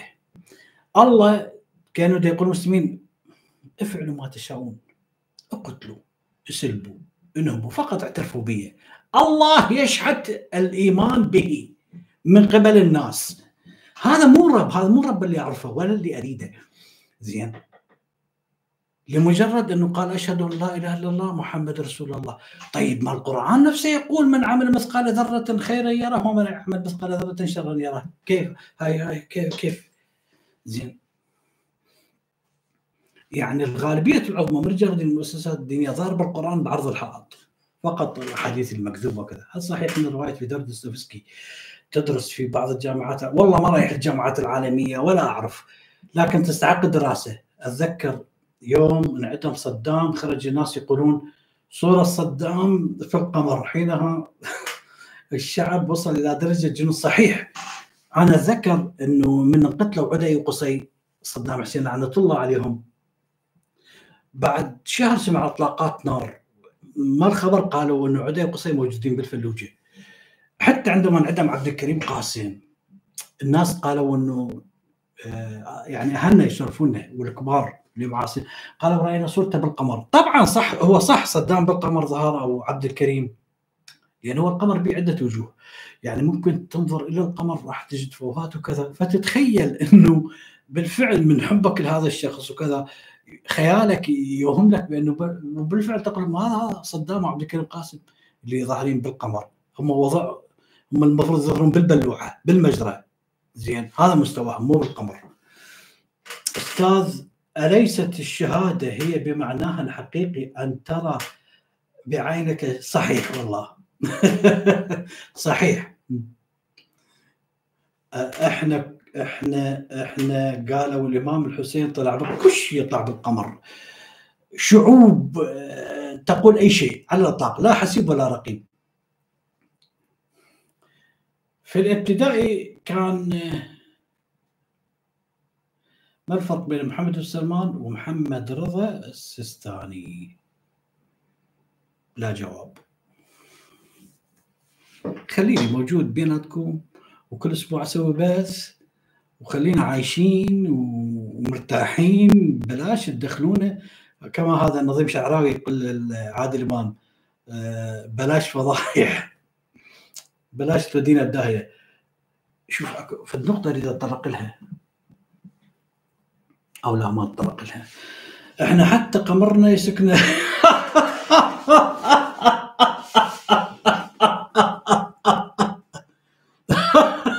والله صحيح.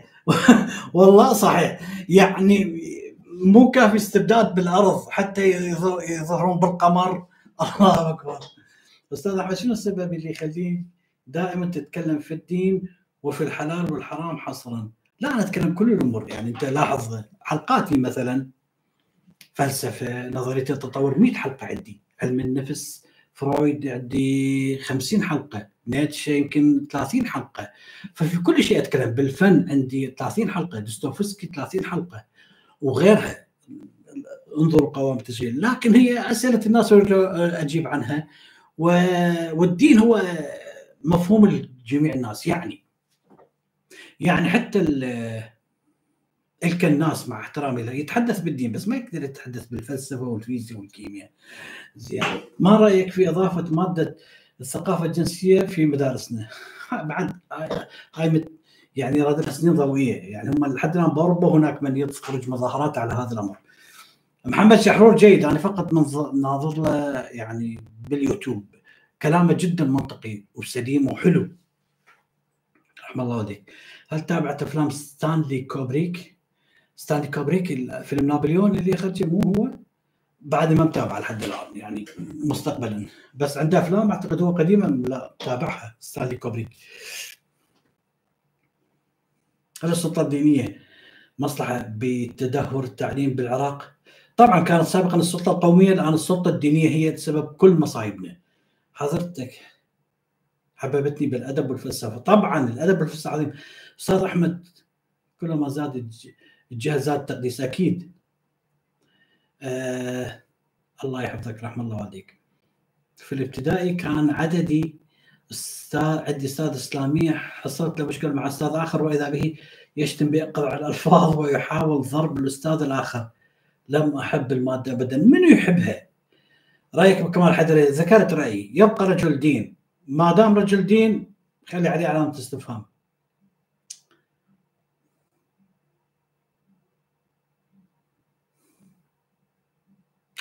هاي مال قصة ضربت آه، قالت ال- يعني قرصه خوز وما أعرف وين مسحتها بحيوان وانمسخت ما هي قتل النفس أعظم عند الله. الله يقول من قتل نفسا بغير نفس أو فساد كأنما قتل الناس جميعا. هاي ما مسخهم.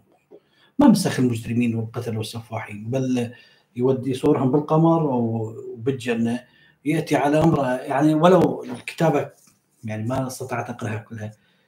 إنه والله يمسخ امرأة لأنه آه، وضعت آه، خبزة قاذوره أو كذا. هاي خيال شعبي. شنو رأيك؟ باللي يقولون إن الكوارث من الفيضانات والزلازل الله يرسلها للشعوب بسبب كف آه، كثرة ذنوبهم. يعني سخافات الشعوب. يعني اجى العلم ثبت لك كل شيء على الاطلاق شرح لك الزلازل والفيضانات والاعاصير والأمراض باكملها أمور طبيعية تحدث. زين. فالله ما يعني خال عقله ويا شعب عندهم ذنوب وكذا ما هي البشرية هي عندهم غرائز وتكون ذنوب بكل وقت. زين يعني بهالحالة يجب أن الأرض باكملها تتدمر. ألا تظن أن نقد عبد الوهاب المسيري للعلمانية منطقي؟ ابدا هذا المسيري أخو مصطفى محمود. بدمار دمار الشعوب العربية. إسرائيل سوف تتدمر وكذا وما أعرف إيش. شي شي دمر شعوبنا تدمر اسرائيل ما تتدمر.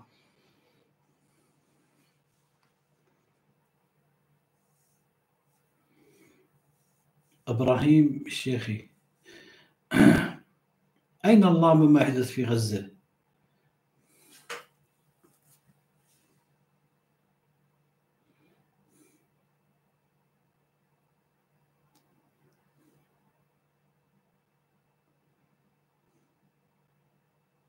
فيما لو كانت هناك عملية سياسية حقيقية هل ستشارك بها؟ لا. لي- ليش؟ لماذا؟ لأن أنا أفشل سياسي. السياسي يجامل ويهادن وكذا، أنا اللي الشيء اللي ما أحبه واللي ما أؤمن به أقول ما أؤمن به ولو كل لعنات العالم تصب علي، يعني هذا مصطفى محمود لو يصبوا لي ذهب ما أتقبله. زين؟ فهكذا أكون سياسي فاشل. سوف أقول ما أؤمن به لا يوجد شيء تحت الطاولة وهذا عكس السياسي. الله مع أصحاب المدافع الكبيرة نعم نابليون. الله مع أصحاب المدافع الكبيرة لا غزة ولا إسرائيل ولا غيرها.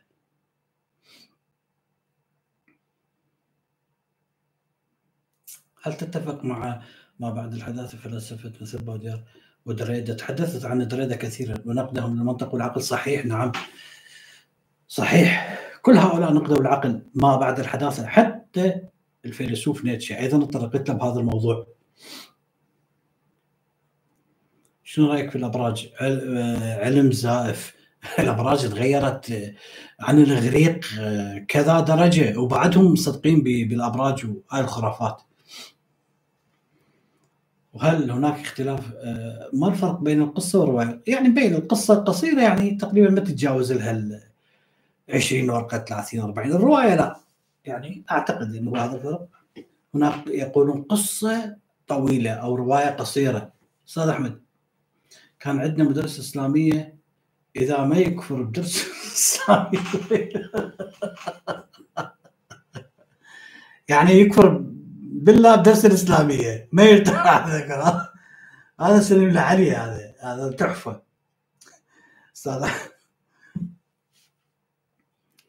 تحياتي أستاذ أهلا مرحبا. هل توجهت في أي مرحلة من حياتك إلى الفلسفة الطاويه وتعاليم البوذية؟ لا بس تعاليم البوذية قريبة جدا يعني باوع انظر. عندما تقرأ السنة النبوية مو السنة النبوية البخاري وما أعرف هناك أحاديث كثيرة جدا رائعة قريبة جدا من السنة النبوية. زين فحتى اللي قاريها ممكن أن يعرف إنه البوذية فلسفة عظيمة جدا ورائعة. هي أفضل من كل كتب التنمية البشرية. بعد هل أدب مالك بن نبي في فلسفة الحضارة ما مطلع على مالك بن نبي كثيرا؟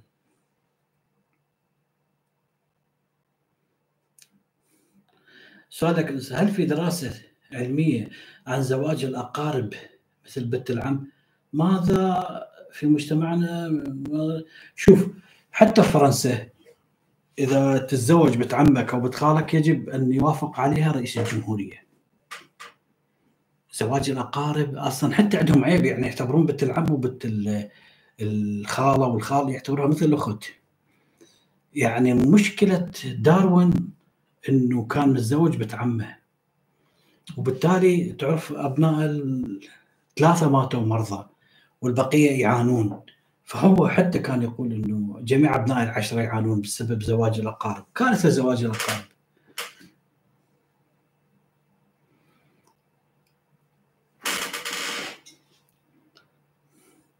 أستاذ أحمد ممكن نحكي لك إنه حبك كبير رحم الله والديك أشكرك.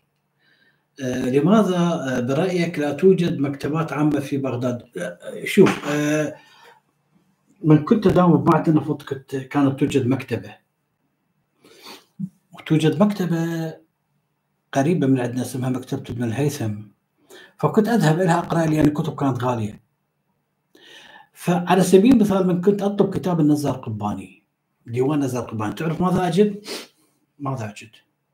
أكثر من خمسين صفحة ممزقة.